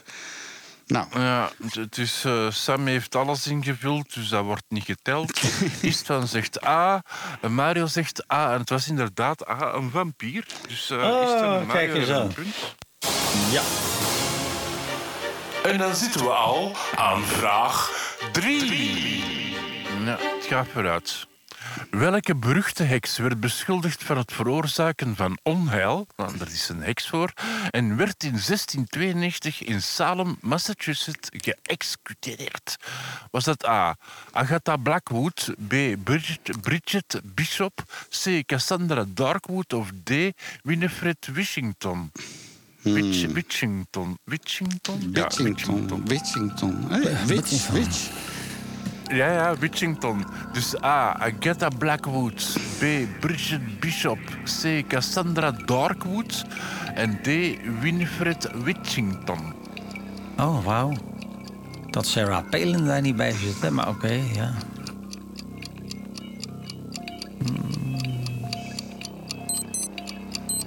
De laatste was dat in Salem. Oh, er zijn zo Ja. films over. Even kijken hoor. Oh, kijk eens aan. Ja, die hadden ze alle vier aan de staak mogen hangen en een laten branden. Het waren allemaal slechte dames, dus eh, die hadden het allemaal verdiend. Ik zie geen juist antwoord, want het antwoord was B. Bridget Bishop. Haar naam ging de geschiedenis in als de eerste persoon geëxecuteerd. Ja. Zo'n woord. Tijdens Ja, je had- de Salem-heksenprocessen. Zij was eh, de eerste die eraan Ja, dat waren, dat waren ruige tijden. In die tijd was het ook te doen gebruikelijk in Europa... dat als iemand verdacht werd als het, eh, een heks te zijn... dat dan de betreffende dame in een kooi werd gestopt... en die lieten ze in het water zakken. En als ze verdronken was het de mens, maar zou ze nog leven is het een heks. Ja. Heel bizar. En toen hebben we daarna, daarna kwam de heksenwaag. Dus dan werden ze gewogen. Eh, en zouden ze niets wegen, dan waren het heksen. In oude water. En Minja is er ondertussen ook bijgekomen. Welkom, Minja. We hadden je Hey, gemist, hoi. maar je bent er weer. Ehm, trouwens, over heksen. ehm, De, de in nee, die ken ik niet. Ja. Ja, jawel, dat is een heel goed boek. Maar in Antwerpen zijn er nooit heksen verbrand. Hè. De, de, de heer toen, die, die geloofde daar niet in. En die zei, we gaan er niet aan meedoen. Dus dat in, in Mechelen wel, maar in Antwerpen zelf is dat nooit gebeurd. Hm. Oh, Ja, dus vandaar dat er hier eh, heel veel heksachtige types rondlopen. Zo. Die, die- zijn allemaal natuurlijk ja. hierheen gemigreerd. Eh, Oké, oké, oké. Ja, dus je al kan altijd winnen. Hè. 5. Wat was de originele intentie achter de traditie van trick of treat tijdens Halloween? Was dat A. om kwade geesten af te weren, B. om grappen uit te halen, C. om snoep op te halen of D. om een offer te brengen aan de doden? Want we zeggen wel, het is, het is allemaal commerce. maar Vroeger had dat wel een reden eigenlijk. Dus eh, trick of treat. A. Om kwade geesten af te weren. B. Om grappen uit te halen. C. Om snoep op te halen. Of D. Om een offer te brengen aan de doden. Aan de doden. Ja, Ah, wij zegt er inderdaad- Een heleboel van. Het stikt hier van de dode. Ja, hou je kop, man. Lachelijk veel doden. Minja hier. zegt dus inderdaad dat de website niet werkt, hè, is het van. En ze is er nu via Facebook opgekomen. hè. Oh. Oh, Ja, grappig. dus ik want niet ik, ja. ik kan niet gewoon. Maar ja, we gaan, er, eh, we, we gaan er een team op zetten. Bedankt voor de Ja, informatie. ja. Dus, eh, ja, je zei dat je inderdaad een nieuwe server hebt, maar geloof de- ik. Hè, niet met, eh, je met de praattafel. Niet met de praattafel. nee, Ja, zeker dus niet. wat, het antwoord Ja, van het deze antwoord. vraag. Is van zegt D, het was eh, de- om een offer te brengen aan de doden. Eh, Mario zegt dat ook. En Minja denkt dat ook. Het was namelijk A, om kwade geesten af te weren. Mensen hoopten dat het geven van snoepen zou beschermen tegen boze geesten. Dus Nou, kijk eens aan. Kijk eens aan. Ja, nu krijg Nou, ik hier een weer wat geleerd. Ja, ik zei al, dat ging me... Ging me de, dus, dus sorry, wie, want ik werd nu afgeleid door de... Inderdaad, nu zie ik een foutmelding. Ja, dan gaan we straks aan... Ja, inderdaad, Ja, die ja, doet ja. het niet. Eh, die doet het niet. Maar de chat wel. Wel Als je- als je sterk dat je mij niet geloofde, hè? Ja, maar toen Ik deed hij zit het dan- nog wel hier bij mij. Nee. Eh, Dat, nou, ik Ja, bij lieg jou. niet. Maar dat zou jou, waarschijnlijk maar- in de, in de cache eh, met dingen hebben. Voilà. Ja, dus als je, Dat wou ik zeggen. nou, als je wilt, typ je in praattafel.be schuine streep chat, C-H-A-T. En, dan werkt. kom je wel Ja. perfect in de chatroom uit. Dus eh, sorry daarvoor, Ja, lieve en je kan mensen. nog Bedankt steeds voor winnen. het publiek. Je kan nog steeds winnen als je meedoet. Ja, dus vandaar dat ik het even kwijt ben met die laatste. Dus dan gaan we nu naar vraag. Eh, Yes. eh, eh, Vijf. Vijf. We hebben het middenpunt bereikt met vraag Nee, nee, nee, vijf. oh, oké. Vijf. Salem En was we vier. zitten al Oh, ja. aan vraag 5. Oké. Oké. Inderdaad, we zijn feilloos overgegaan naar vraag 5. Welk monster wordt geboren uit de combinatie van lichaamsdelen en alchemie, volgens een bekend verhaal uit de 19e eeuw? Was dat A, de mummie, B, de weerwolf, C, Frankensteins monster of D, de vampier? Ja. Welk monster werd er geboren uit een combinatie van lichaam... Alchemie, geloof je daar wel in, Mario? Want godsdienst... Nou, eh, eh, nee, maar vl- vlak het niet uit. Isaac Newton, die was ook alchemist, hè? Dat ver- vergeten mensen wel Dus eens. welke waren het? Sorry, A. De mummie, B. de weerwolf, C. Frankensteins monster en D. de vampier. Dus, dus lood omzetten naar goud is, is niet iets dat je denkt van... Wow, Ja. dat kan ik morgen eens proberen. Ehm, ik zie Mario zegt C, Frankensteins monster. Eh, Sam zegt ook C, de praattafel zegt C, dat is Istvan. En, en Minja zegt ook C. Iedereen heeft een punt, want het is inderdaad... Ja. En hij is nu, nadat hij afgedankt is, is hij nu bij ons in dienst. Hij heeft hier eh cursussen huid en schoonheid en presenteren. Eh, dat doet hij En wat is zijn naam? Zijn naam is... eh, is Donald. Donald en Ronald. En, eh, ik zal het hem eens vragen, want zover ga ik niet bij onze klant hier. Ja, veel mensen zeggen foutief Frankenstein, maar dat is niet waar. Dat, Nee. dat was de creëerder, dat was Victor Frankenstein. En die heeft het monster gemaakt. En het monster heeft eigenlijk nooit een naam gekregen. Het was altijd het monster. Nou, precies. Oké. Ja, je, maar maak Sam Atan niet belachelijk, hè? Want eh, met mij kan je belachelijk maken, maar als je het aan Maar een stok krijgt... ik vind Hij Donald een ons- mooie naam daarvoor. Ik stel voor dat we die, die naam gaan Ja. gebruiken. Ja. En ik- Sam Atan heeft ons niet nodig om zichzelf belachelijk te maken. Dat doet hij zelf al goed genoeg. Oké. We Nou, hebben het middenpunt bereikt met vraag 6. Eh, Elzas? Inderdaad. Eh, wat is de oorsprong van de uitdrukking trick of treat? Is dat A, een middeleeuwse betoveringsformule? Is dat B, een oud-Keltische gezegde? Is dat C, een moderne Amerikaanse traditie? Of is dat D, oud-Engels gebruik? Hmm. Dus trick of treats. Or A, een middeleeuwse betovering. B, een oud-Keltisch gezegde. C, een moderne Amerikaanse traditie. Of D, een oud-Engels gebruik. Ja, je zakt ineens helemaal weg. Ineens qua volume. ja. Ja, precies. Dat is, eh, nou, eh, niemand hoort je, dus eh, wordt het moeilijk. Ja. Eh, Ja, ik hoor dit een beetje. Ik hoor dit een beetje. Hmm.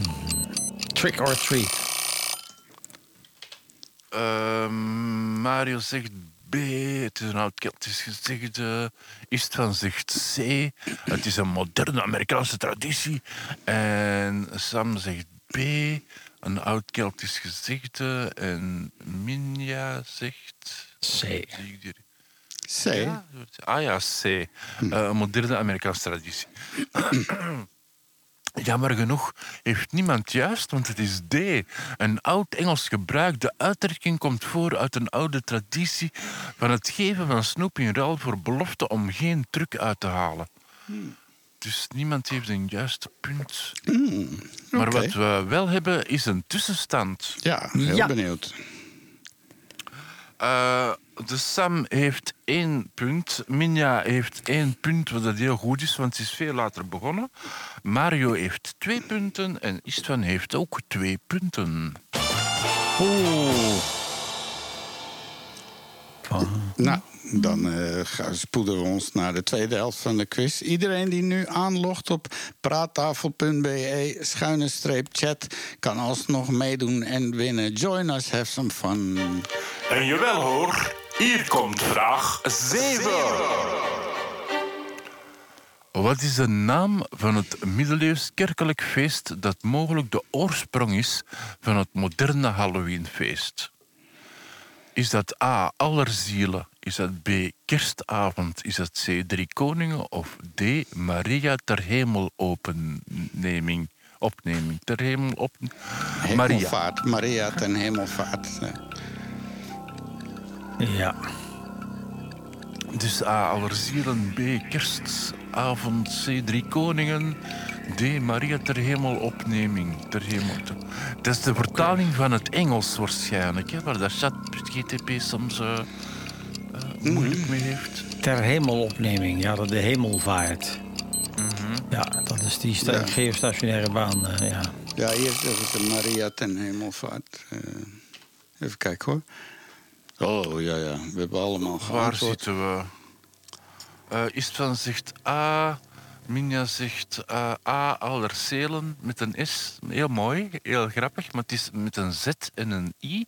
Maar maakt, ik, ik wil die gewoon dat je Ja, het dat is het Nederlands Duits, goed man. schrijft. Dat is in... Oh, oh, oh, oh. Ja, maar we- we moeten helpen, ja. hè. Ik vind dat wel mooi Ja, en dan- Allerzelen. Ja, dat is mooi, hè? en, en Sam zegt A, maar dat maakt niet uit. En, en Mario zegt ook A, en het is inderdaad A. Ja. Dus iedereen heeft All een puntje. Hallows, Halloween, All Ja. Hallows. Allerheiligen, dat is niet moeilijk. Hè. Dat is... eh, dat is het van All Hallows noemen ze dat in Engeland. Dus dat is dan Halloween, eh, All Halloween, Ween, Hello, Hello. Hello Bello. En dan maken we plaats voor vraag 8. Wat is de traditionele Halloween-lekkernij in de vorm van een maïskolf? En dat is dan puur Amerika. Hè? Is dat A, candy corn? Is dat B, toffee apple? Is dat C, pumpkin pie? Of is dat D, chocolate bat? En met chocolate bat denk ik dat de bat een vleermuis is. Dus de traditionele Halloween-lekkernij in Amerika, in de vorm van een maïskolf, is dat eh, A, candy corn? Is dat eh, B, toffee-appel? Is dat C, pumpkin pie? Of is het D, chocolate? Ik hoor nog altijd geen wachtmuziekje, maar oké, het zal wel aan mij liggen. Soms moet je daarop wachten. Ah, Minja zegt dat het haar autocorrectie is die het verkeerd heeft gespeeld. Dat zou inderdaad kunnen. Ja.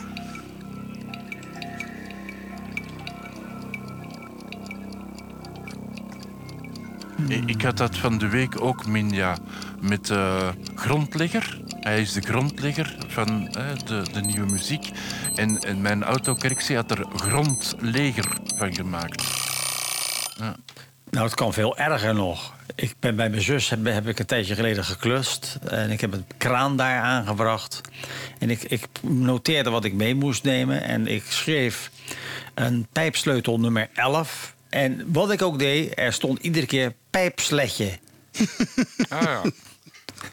Heel bizar. Maar dat, dat is omdat jij dat als standaard zoekwoord in je Google hebt zitten. En dat oh, je stelt het. Waarschijnlijk, ja. Alright, antwoorden. Ninja zegt C, Istvan zegt D, Mario zegt A en Sam zegt C. En het was A. Ja! Mario heeft gelijk, het is Candy Corn. Oké. Nou ja. Eh, en dan krijg Oh ja, nee. Zijn we al zover? Hier komt vraag 9. Ja, dat is een beetje een abstracte vraag. Wat is de favoriete manier van een spook om de mensen te laten schrikken tijdens Halloween? Maar eigenlijk niet alleen Halloween, altijd. Dus wa- wat gebeurt er als een spook je wilt laten schrikken? Eh, A. Fluistert hij in je oor? B.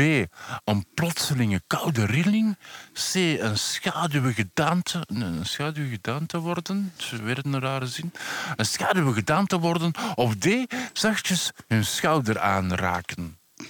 Dus wat is de favoriete manier van een spook om mensen te laten schrikken? Fluistert hij in je oor? Of B, een plotselinge, krijg je een plotselinge koude rilling? Of C, koude de rilling. schaduwige gedaante eh, veranderen? Of D, zachtjes hun schouder aanraken? Ja, hoe gaat dat weer?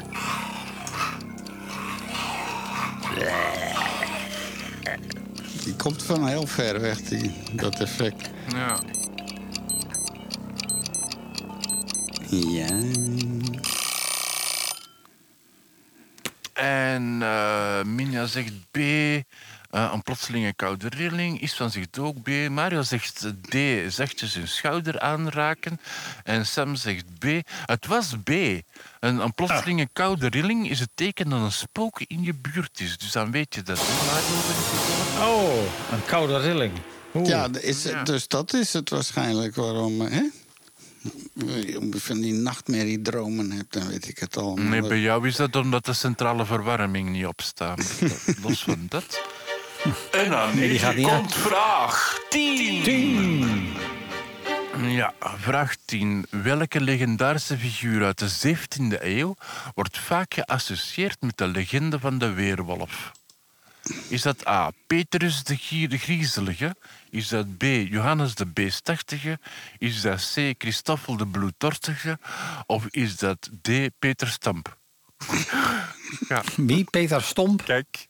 Peter Stamp. Dus S-T-U-M-P-P. Eh, Ja, oké. Dat is... A. Petrus de Griezelige, B. Johannes de Beestachtige, C. Christoffel de Bloeddorstige of Peter Stamp. D. Dus in de 17e eeuw, geassocieerd met de legende van de weerwolf.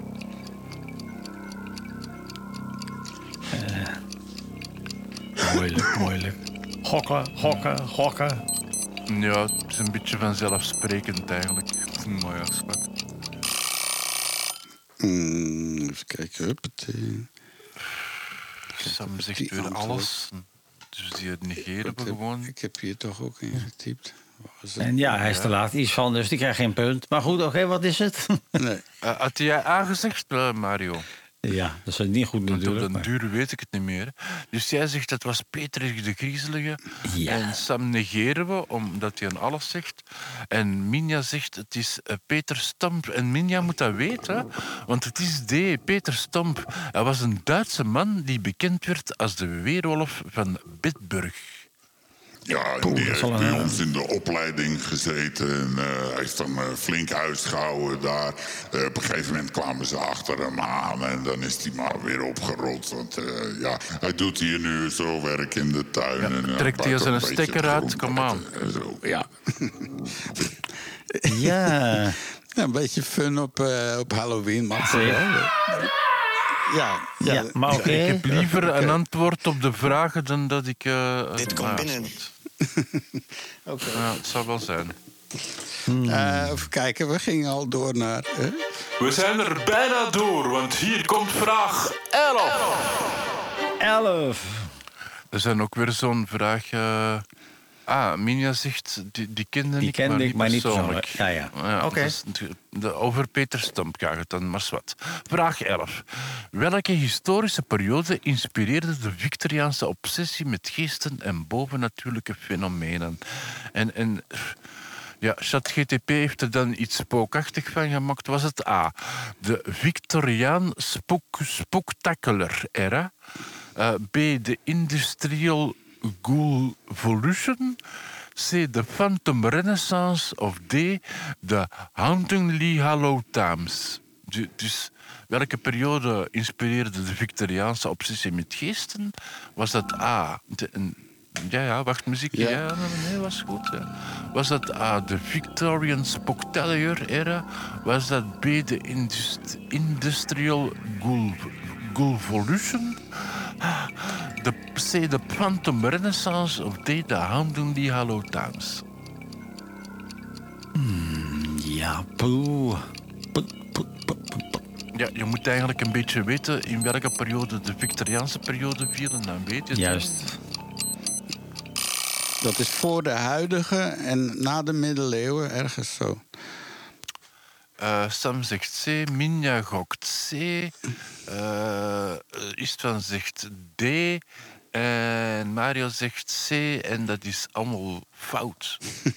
Oh, Want het was B, de industrial Gullivision, de industriële tijdperk van de Victorianen.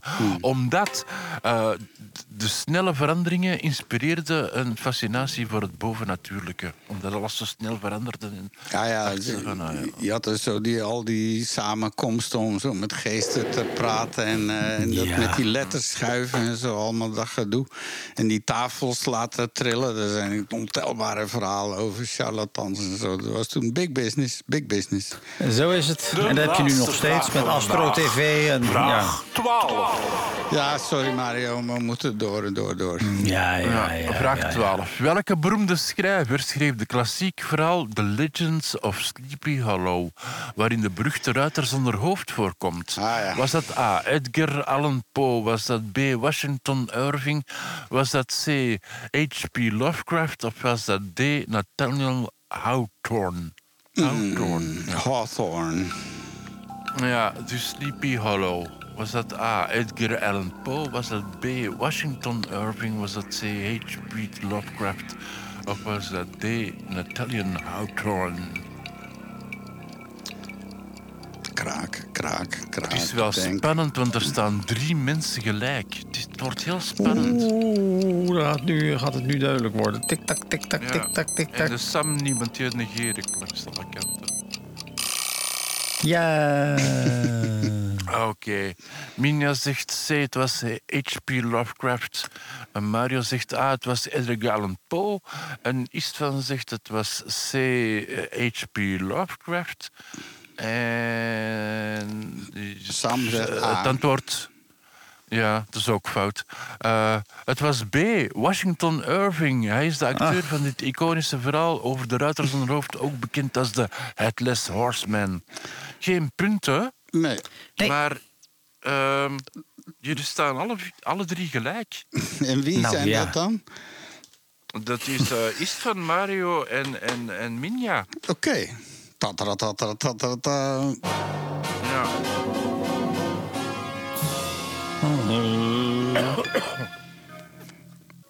Ja, nou, dus dan komt er een schiftingsvraag, hè?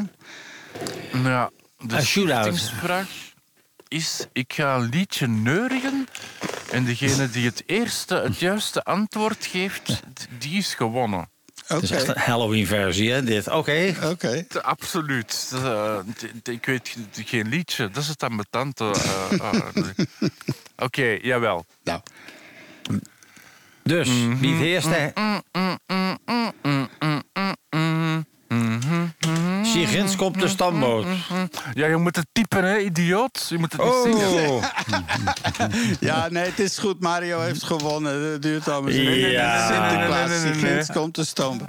Nee, het was gewoon een... eh, wie het eerst eh, herkent, dat was eh, prima, prima, joh. Ja, maar Minja kan niet praten, hè. Die, die moet typen, dus dat is nou, gedeelde eerste Ja, plaats da- dan. Dat is waar, dat is waar. Maar Minja kent die Sinterklaasliedjes ook niet. Want dat is gewoon geen Duitse cultuur. Dat is Nederlandse. Dus eh, ja, dat is ook weer- weer... Dat is niet inclusief. Dat was geen inclusieve vraag, Chris. Ja, nooit. Nee. Dat is Goed, nooit. goed idee, een goed idee. Maar we gaan het er hier nog in de productievergadering... eh, Oei. Oei, oei, Mensen oei. Mensen die Bauer dus. bouwen, die Rustlijn Roslijn aanspant. Oh. Es gibt das Sint Nikolasen, die Flams. Oh, was ik wel- maar te de... Minja, omdat jij de eerste bent die een duidelijk antwoord gaf op de laatste vraag, ben jij de winnaar. Oh, nou ja, vooruit, Minia. alright, eh, Oh, nou, slapeloze nacht heb ik hiervan.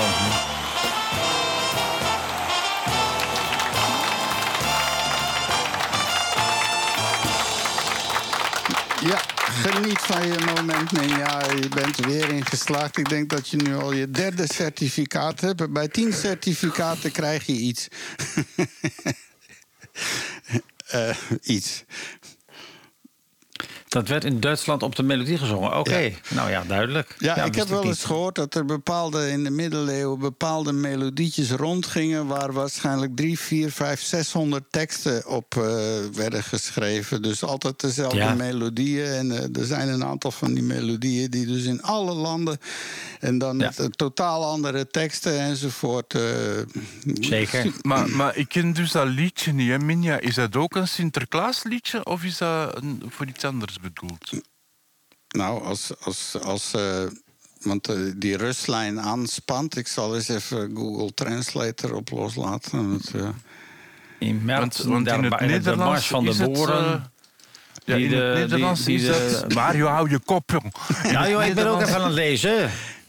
Ja, ja. Maar het- het- dus in het Nederlands, Minja, is het... Zie, ginds komt de stoomboot, ik zie hem al staan. Nee, Nee?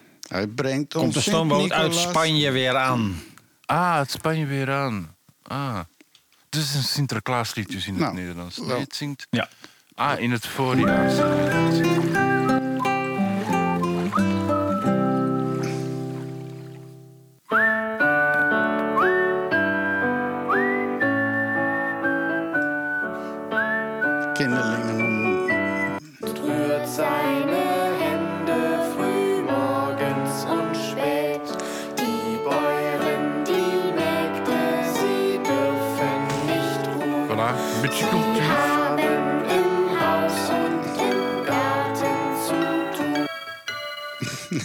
ja, Ah. zo.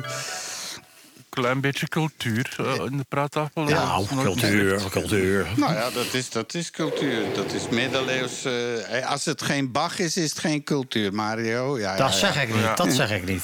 ja. Nee, maar je denkt het wel, of wat? Je spreekt Ja, het maar ik zeg het niet. uit. Ja. Even kijken hoor. Ook weer met dat kutfluitje. Ah, sorry. Dat, eh,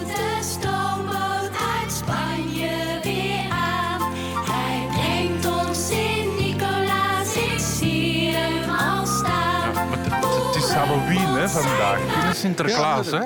ja. Satan gaat kwaad worden hè, op den duur. Die wordt helemaal gestoord van. dat is die al. Ik, ik ga nu zijn mic niet aanzetten, want die, die, loopt, die moet eerst even afkoelen. Kom allemaal rookwolk uit zijn ogen. Ja. Zo, alle fijn. Nou ja. Maar ja, dat is zo cross-culture. We zijn allemaal één grote Europese natie. En, eh, en zo Sinterklaas. Natie? liedjes, eh, Een grote natie? natie Ja. met een T. Ah ja, ah, ja. Ja. oké. Een nation enzovoort. Ehm, nou ja, alright mensen, dat was de quiz voor vandaag. Eh, bedank ook Minja en eh, M. Atan voor eh, S. Atan om mee te doen. En wij gaan met, met rappe gevolgen verlaten we deze aarde. En gaan we helemaal de andere kant op. Maar echt helemaal de andere kant op. Zeven aan tafel. Eén kosmos. 10, 9, Ignition sequence 5, 6, 5, 4, 3, 2, 1. En met een knal. gaan we omhoog. NASA krijgt ruimtecapsule met wetenschappelijke schatten niet open. Zeg wat vervelend nou. Nee. Nu hebben ze een onwaarschijnlijke schat aan materiaal. Maar wat er dus wel aan de hand is eh, dat spul wat we nu al gezien hebben... ze hebben het bovendeksel opengemaakt. En daar was tijdens het oppikken... is er dus nog extra materiaal eh, naast de, feitelijke container terechtgekomen. En dat was toch zo'n 125 gram. En dat is echt bonus. Want maar de feitelijke container waar de hoofdgreep in zit... eh, die krijgen ze niet open. Ja, dat, dat zal ook niet makkelijk zijn, want je moet het op een manier doen dat er totaal geen eh, besmetting mogelijk is. Dus dat zal in een vacuüm moeten gebeuren met, met robotarmen en weet ik het allemaal. Ja, ze hebben een Dat- nitrogen, dus eh, een stikstofomgeving. dat is pure stikstof eh, waar dat in zich dan in bevindt, die ruimte, dat gas. Er is geen zuurstof Ja. in en zo. Nee, nee, natuurlijk. En eh, er mag ook geen echt, ja, weet ik veel. ja, dat moet zeer secuur. Alleen, ja, nu die, die IKEA, die, hoe heet dat, die zeskantige sleuteltjes die je van IKEA meekrijgen, ja, die konden ze hier dus niet gebruiken. En nou zitten ze met hun handen in het haar van hoe gaan we dat ding Dat open. noemt een inbussleutel. Ja, precies. Ik was het woord kwijt. Maar ik ben, jij staat altijd aan mijn zijde om te helpen. Niet waar? Je bent zo'n aangenaam Absoluut. mens. Als, als mens Ja, vooral. zo. Zo warm en aangenaam. Ik krijg altijd alleen maar echt hele positieve Hele vibraties. warme Heel gevoelens. knuffelbaar. Ja, heel knuffelbaar. Ja. Nou, en dan tot slot nog één keer.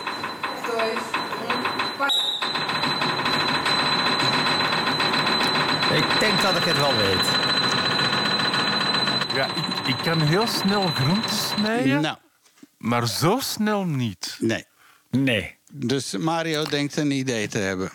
Ja, ik denk zelf, mag ik het nu zeggen dan? Ja, ja, zeker.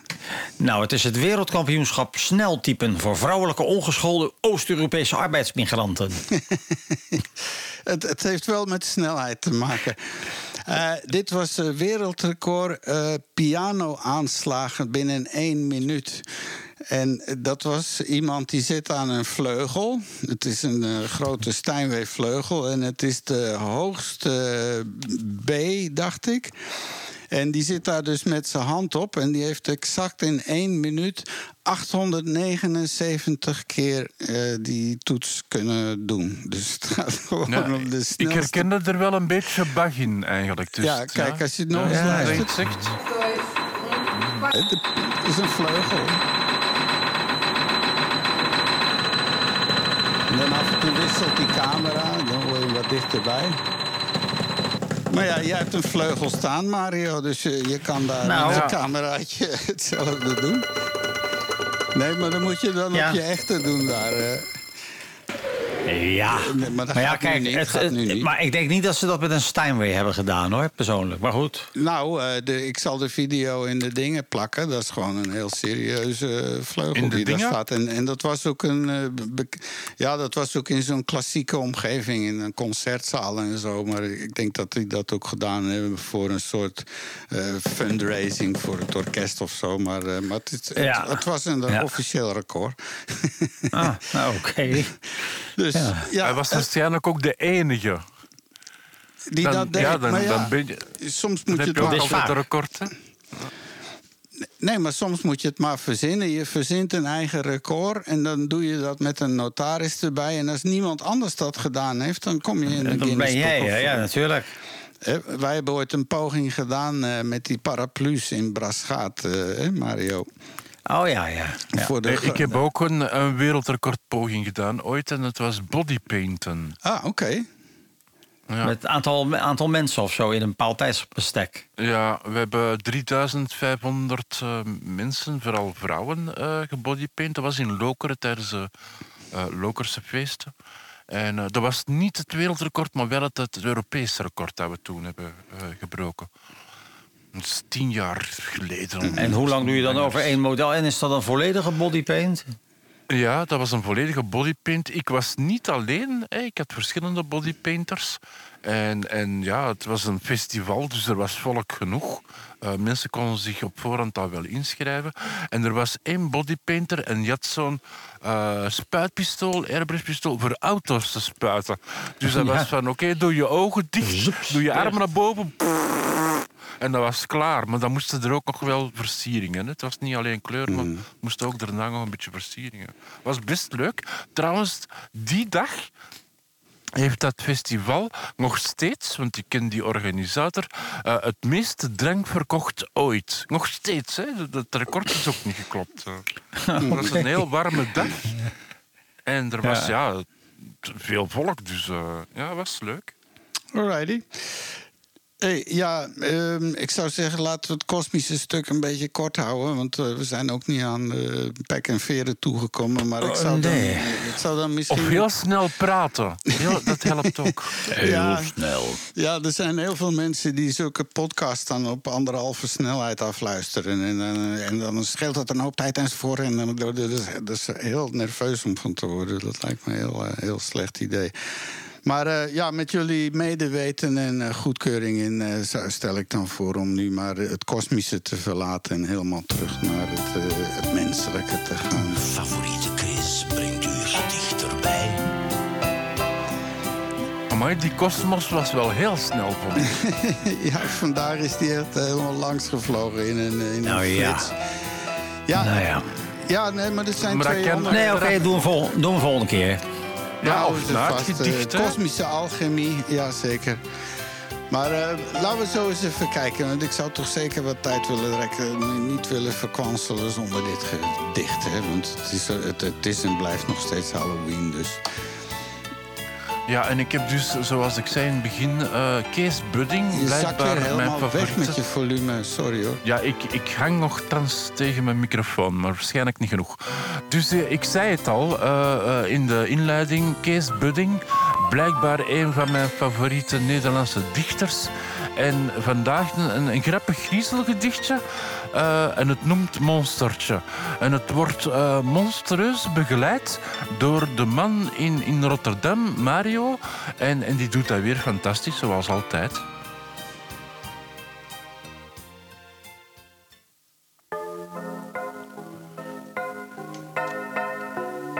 Er was eens een monstertje, ach gut, dat las in een gruwelijk boek.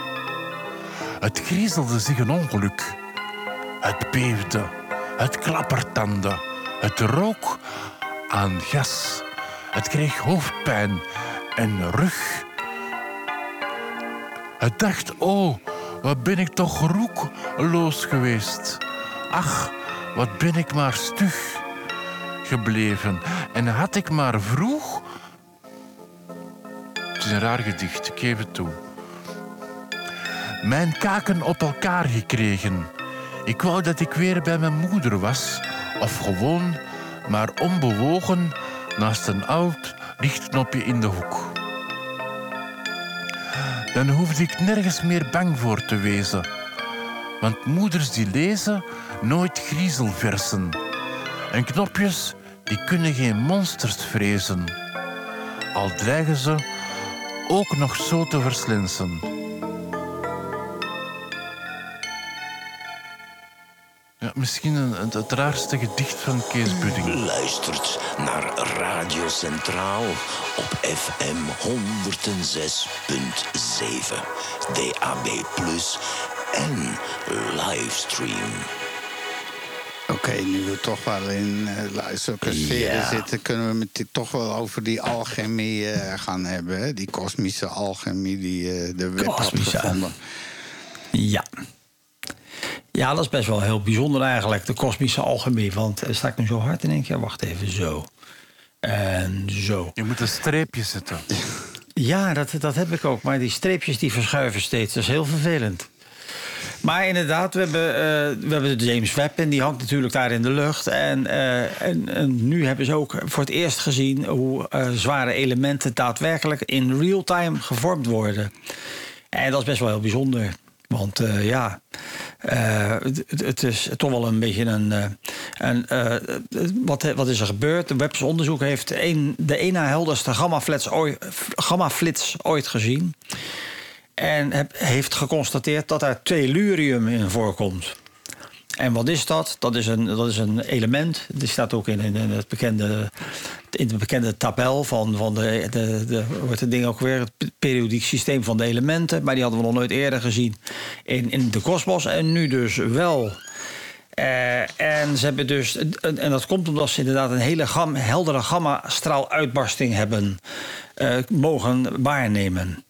En wat gebeurde er? Er gebeurde een kilonova-explosie. En wat is een kilonova-explosie? Dat, is, dat gebeurt als een neutronenster samensmelt met een zwart gat of met een andere neutronenster. En dat, is, dat gebeurt bijna nooit. Dat is dus uiterst zeldzaam, zo kilonova. Dus je kan het, het is heel moeilijk om dat soort dingen te zien. Eh, je hebt ook korte gamma-straaluitbarstingen, GRB's, dat staat voor Gamma Ray Bursts. Eh, men dacht dat die minder dan twee seconden duurden. eh, en die, dat kunnen dus inderdaad bijproducten zijn van zeldzame fusieën, fusies, zou je kunnen zeggen. Eh, en de, maar lange gamma-flitsen worden over het algemeen... die kunnen dus een paar minuten duren... en die worden meestal geassocieerd met de dood van een massieve ster. Maar nu zijn ze een stap dichter bij wat er nou precies aan de hand is. Eh, want eh, de, de James Webb heeft zeg maar, gekeken naar de één na helderste gammaflits ooit. Eh, vermoedelijk het samenstelten van twee neutronensterren. En daar was dus een kilonova-explosie dus. En dankzij de James Webb hebben ze met die gevoelige midden- midden-infraroodspectrumtelescoop... dat vast kunnen leggen, wat dus als het ware van James Webb... de eerste blik is op een individueel zwaar element van zo'n eh, gebeurtenis. En dat is heel bizar eigenlijk. Dus dat, daar gaat dit artikel eigenlijk over. Dus eh, eh, dat betekent dat het best wel heel veel mogelijkheden heeft. Want eh, je kan dan zeg maar inderdaad het thuisadres in identificeren van twee neutronensterren die de kilonova creëerden. Dat kon met deze meting. En bedenk wel, dus waar het daadwerkelijk gebeurde, de, was dus 120.000 lichtjaar verwijderd van de afstand van de plaats van de fusie. Dus je, dus je ziet dus niet alleen de flits, maar je ziet ook waar het uiteindelijk terecht komt. Ja, en dat is natuurlijk eh, dankzij James Webb iets wat we nog nooit eerder hebben gezien. Daar gaat dit verhaaltje eigenlijk een beetje over. Wat, wat ik wel grappig vind, eh, ik heb een artikeltje gevonden. Je, je weet toch dat die capsule, hm? Je die, zakt die, weer is. Die is tien jaar, ja, dan zet ik me naar boven. Die capsule, die is tien jaar geleden hebben ze die gelanceerd. En die ging dan ruimtestof halen en dan kwam die terug. En iedereen was eh, ontzettend benieuwd. En ze hadden al wat stof aan de bovenkant eh, gevonden en ze waren blij. Maar wat blijkt nu? Ze krijgen die capsule niet open. Nee. Ja, dat hebben we het net over Daar gehad. hadden we het net Ja. over, ja. Hebben we het daar, daar De, net de, over? dement. Ben ik, Ik dan in slaap gevallen of vertellen. zo? Ik denk het. ja. Ja, ja, zo. Nou ja, oké. Nou, kijk, dat is live radio, mensen. mensen Dat is live radio. Ja, ik vind het raar, want het is een artikel dat ik had aangegeven. Dus ik Ja. nam aan dat ik dat zou vertellen, maar blijkbaar... ten- ten- ja, het, het, nou ja. Het stond in. eh, het, het was het enige artikel wat in het format stond. Dus je hebt een soort eh, Freudiaanse skipping gedaan. Zo, eh, hè, NASA krijgt ruimtecapsule niet open. En we hebben het er net, want er was wat naast gevallen wat ze nu hebben gevonden. Dat extra spul en dan zit er nog meer spul in het ding zelf. We gaan het allemaal horen. ik word de Nou ja, mint. oké. De mint word ik, de mint. Ja, ik, en ik werk met de mentaliteit. Dat is een heel grappig bandje. de Antwerpse liekes uit den Ah, buik. en gaan we zo. weer reclame maken voor onszelf? Ja, Ja, binnenkort te kopen LP's en dingen. En je kan tickets winnen enzovoort voor een megaconcert. We gaan... eh, in, eh, Maar wat ik ook zag, is Lotto je bent bezig met een nieuwe podcast. Je, je bent bezig met een nieuwe podcast? Over geschiedenis? Ja, dat is waar. Eh, samenwerking met een eh, Jelle Jansen. Die heeft een eh, scenario geschreven over een hotel in Oostende. Dat was Hotel L'Océan. En eh, dat was een heel chique bedoeling. Tot de Eerste Wereldoorlog was dat echt zo'n heel chic, mondain hotel. Dan in de Eerste Wereldoorlog werd dat een eh, hospitaal. Met eh, soldaten natuurlijk. Dus dat was een tamelijk bloederig gebeuren. Je wilde in die tijd nog niet gewond terechtkomen in zo'n ziekenhuis.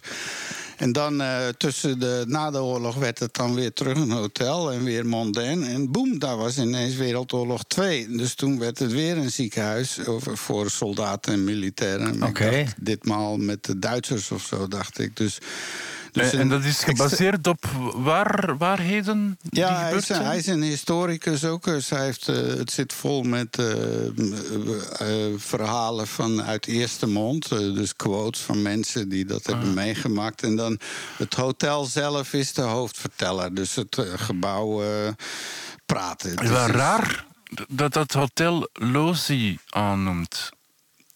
Heb je er iets mee te maken of zo? Leleuciaan, ja. Los- Loziaan. Ja, Leleuciaan, dat is, ja, ik ga, ja, het is een sponsordeal geweest gewoon, maar... En kunnen we eh, het beluisteren of is het nog in de maak? Dat, is, eh, dat zal pas waarschijnlijk januari worden of zo. Eh, dat is een, Ah, ja. We hebben nu de eerste opnames gemaakt en elke aflevering wordt een uur en het gaat over acht afleveringen. Dus een megaklus. Dus, Alright. Maar een teaser En hoe is het met je moordpodcast? Hoe is het met je moordpodcast ondertussen? Nou, die wordt goed Maar- oh ja, beluisterd, met, maar eh, eh, staat op pauze. Eh, Die volgende die wordt aan Dat is met Deborah Langman. Of nee, met... De- eh, Deborah Langman. Ja, Deborah. klopt. Ja, Ja, ja. ja. is die- Dus dat is op pauze.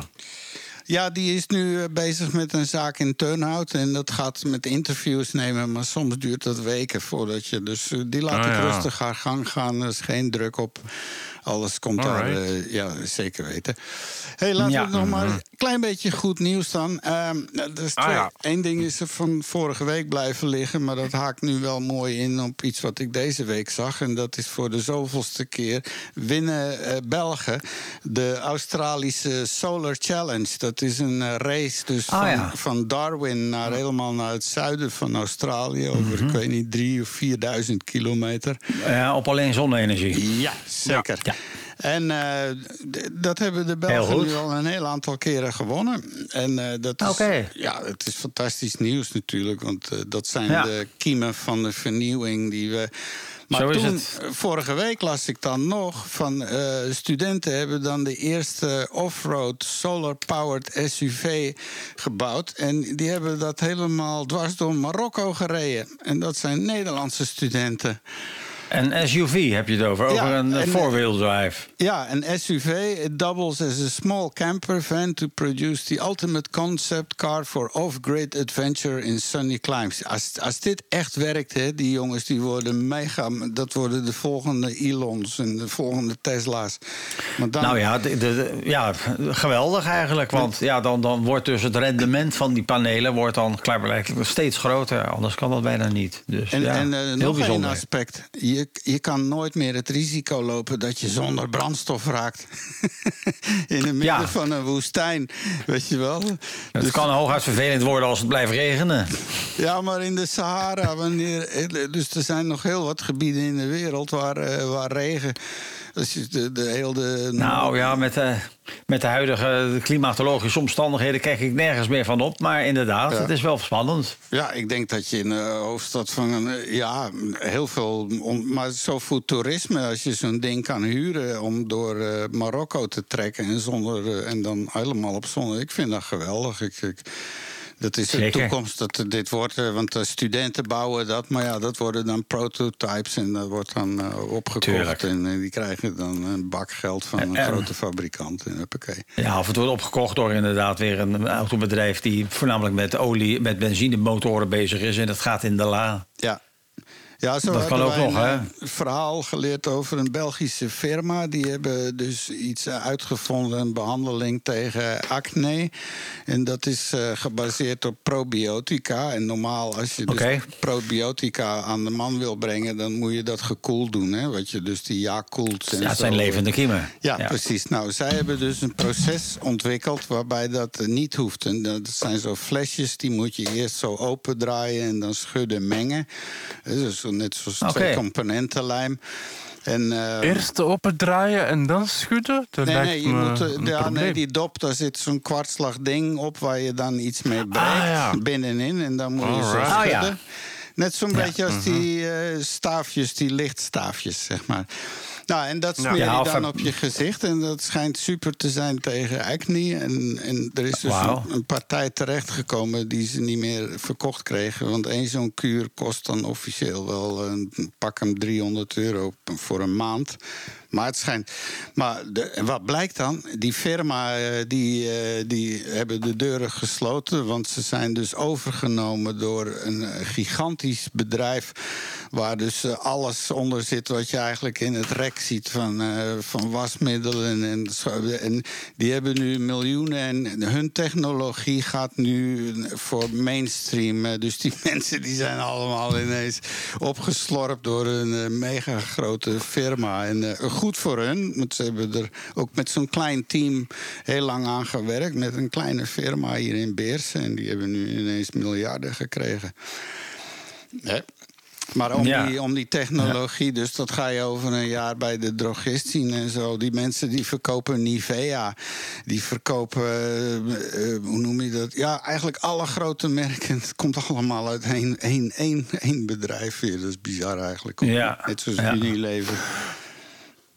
Wat ik ook zie Ja. staan, is van, maar ik weet niet of dat het goed nieuws is, maar het staat er wel bij, dat je in Barcelona in een museum de, de- af en toe naakt kunt bezoeken. Ja, Ik heb dat gezien op tv. eh, inderdaad, Is dat waar? een itemje daarover. Ja, dus de, dat is de bedoeling dat je daar naakt gaat kijken naar naakte mensen.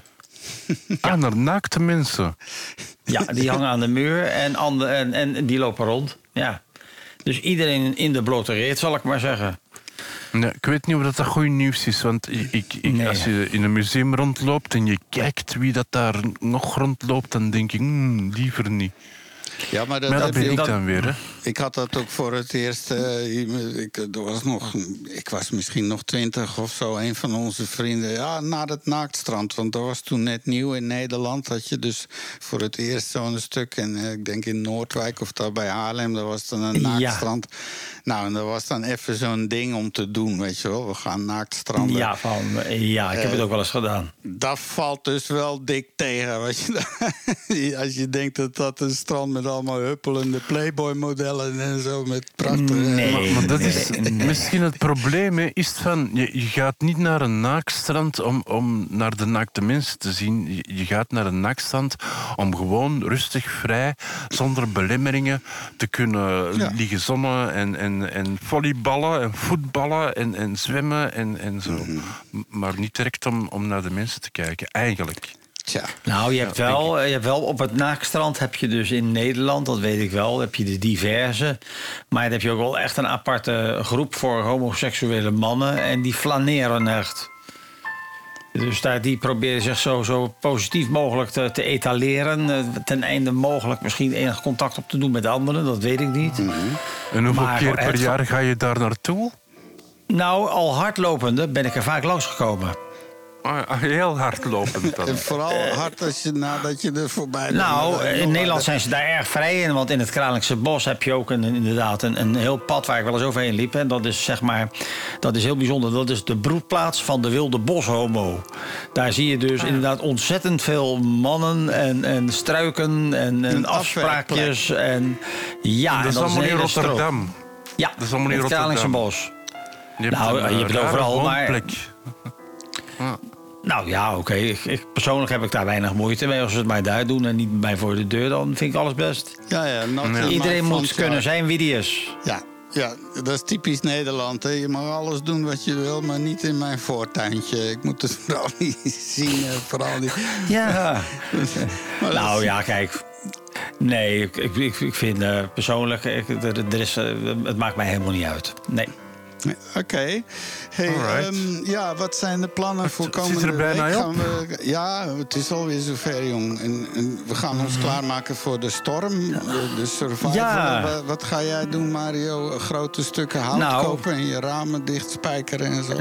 Nou, dat niet alleen, maar ik, vanavond heb ik, ga ik kennis maken met mijn transplantatiechirurg. Dat is Oh. al een dingetje. Ah, Alright. Eh, dus eh, spannend en eh, een soort voorlichting en alles. En, alle, alle betrokkenen zijn er dan en zo. Oké. En verder heb ik wat onderzoekjes. Maar het gaat takken weer worden. Dus ik probeer. Ik denk dat ik veel. eh, indien mogelijk. Dan ga ik, de dingen die ik doe, ga ik voornamelijk thuis doen met slecht weer. Hey, Maar als inderdaad, het eh, de- ja. niet lukt met die operatie, weet je wel, als het zo fout gaat en je komt niet meer uit die narcose, weet dat we hier een plek over hebben voor een pianist eh, die de hele dag kan spelen wat hij wil. Ook al is het alleen maar een beetje van dit bijvoorbeeld. eh, eh, als- als je dat- Ja, dat kan. Maar je mag Ja, elke kan. toon kiezen. op de, je kan mag Nou, ja, dat weet ik ook wel. gebruiken. Dus ik Trek zeggen, die- eh, trek die eens een de sticker uit. Kom aan. helemaal klaar voor je. En eh, namens mij tot volgend jaar. Zo. Kijk eens, jij kan het ook, Mario. Jij kan het ook. Een klein beetje, een klein beetje kan ik het ook wel. Zo, nou, eh, ik geloof dat ik het gehad heb met meneer Sam. Maar volgend jaar zal hij er wellicht weer bij zijn. Hey, eh, bezoek ons op Facebook. eh, be- bezoek ons op de website. zegt het voort als je het een Ja, fijn waar we het- programma vond. Nou ja, we hebben wel veel laten liggen. Wat we, eh, daar wilde ik het ook wel hebben. We hebben natuurlijk de klap gehad van eh, Thierry Baudet met de paraplu op zijn hoofd. Dat niet alleen, maar ik heb ook nog plannen deze week. ja. Hè? Ja, Oké. nee. Nou, Maar goed. schiet dan op. Eh, Ah, ja. ja, Nee, eh, ik, ik, de plannen deze week. Ik, ik moet morgen eh, mijn proefstuk voor eh, eh, literair schrijven eh, opsturen, e-mailen. Dus ik moet eh, schrijven, hè, e-mailen. Ja, oh, we zijn eruit al. Nee. Of iemand is eruit. Oh. Nee, 59 zie ik staan. Dat klopt niet. Nee, maar dat klopt. Drie. We zijn eruit gehaald. Oh, Ja, ze waren er klaar mee. ja, Ja, dat kan. Een minuut Ah, op voorhand al, hoppa, eruit. Voilà. Hier worden- Hier worden we doodziek van. Weg met die Oké, lui. dan gaan we gewoon nog lekker even door voor de podcasters. eh, de exclusieve overtime. hè. Ja, Zeker. nou ja. Maar eh, ja, vertel maar, Chris. Ja, de- ik volg eh, literair schrijven en ik moet dus tegen morgen eh, een, een, mijn eerste werkje binnenbrengen. En ik heb nog niets gedaan, ondanks dat ik eigenlijk al een week tijd heb gehad. Ik heb zo wat uitstelgedrag. Dus ik begin er vandaag aan, want ik dacht dat het vandaag binnen moest, maar eigenlijk is het pas morgen. Dus, Nou, dus misschien stel ik het nog uit tot morgen. Het zou wel Ja, procrastinatie, hè, dat is ook een Mhm. ding.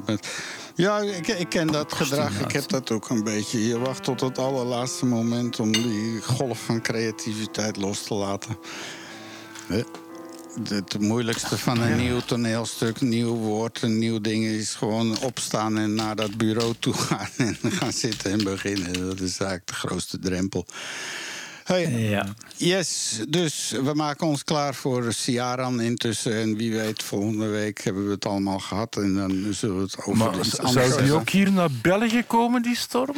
Nou, dat weten ze dus niet. Het kan zijn, eh, ze Mhm. vermoeden, maar we gaan zeker een oplawaai krijgen. Want eh, dat zou best Ja, zo'n zijkant van die storm. Zo'n Ja, zijkant. want eh, hoe verder weg, hoe harder de wind waait. En waar komt de kern dan? weg Van de kern. Waar, waar is de kern Ja, dan? natuurlijk.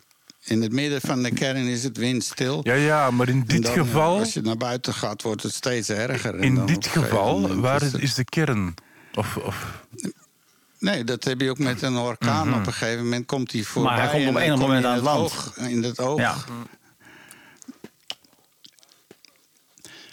Boven de oceaan, boven de oceaan, zo zeg maar ten westen van Biscayen.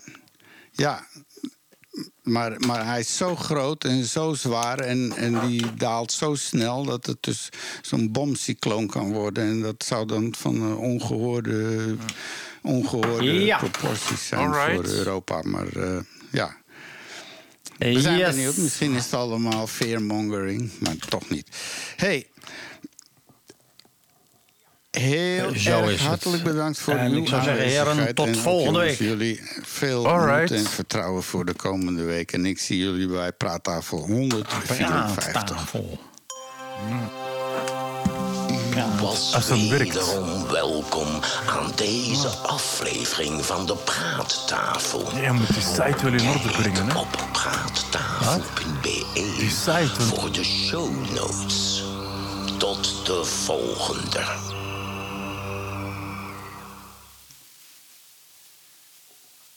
Ja,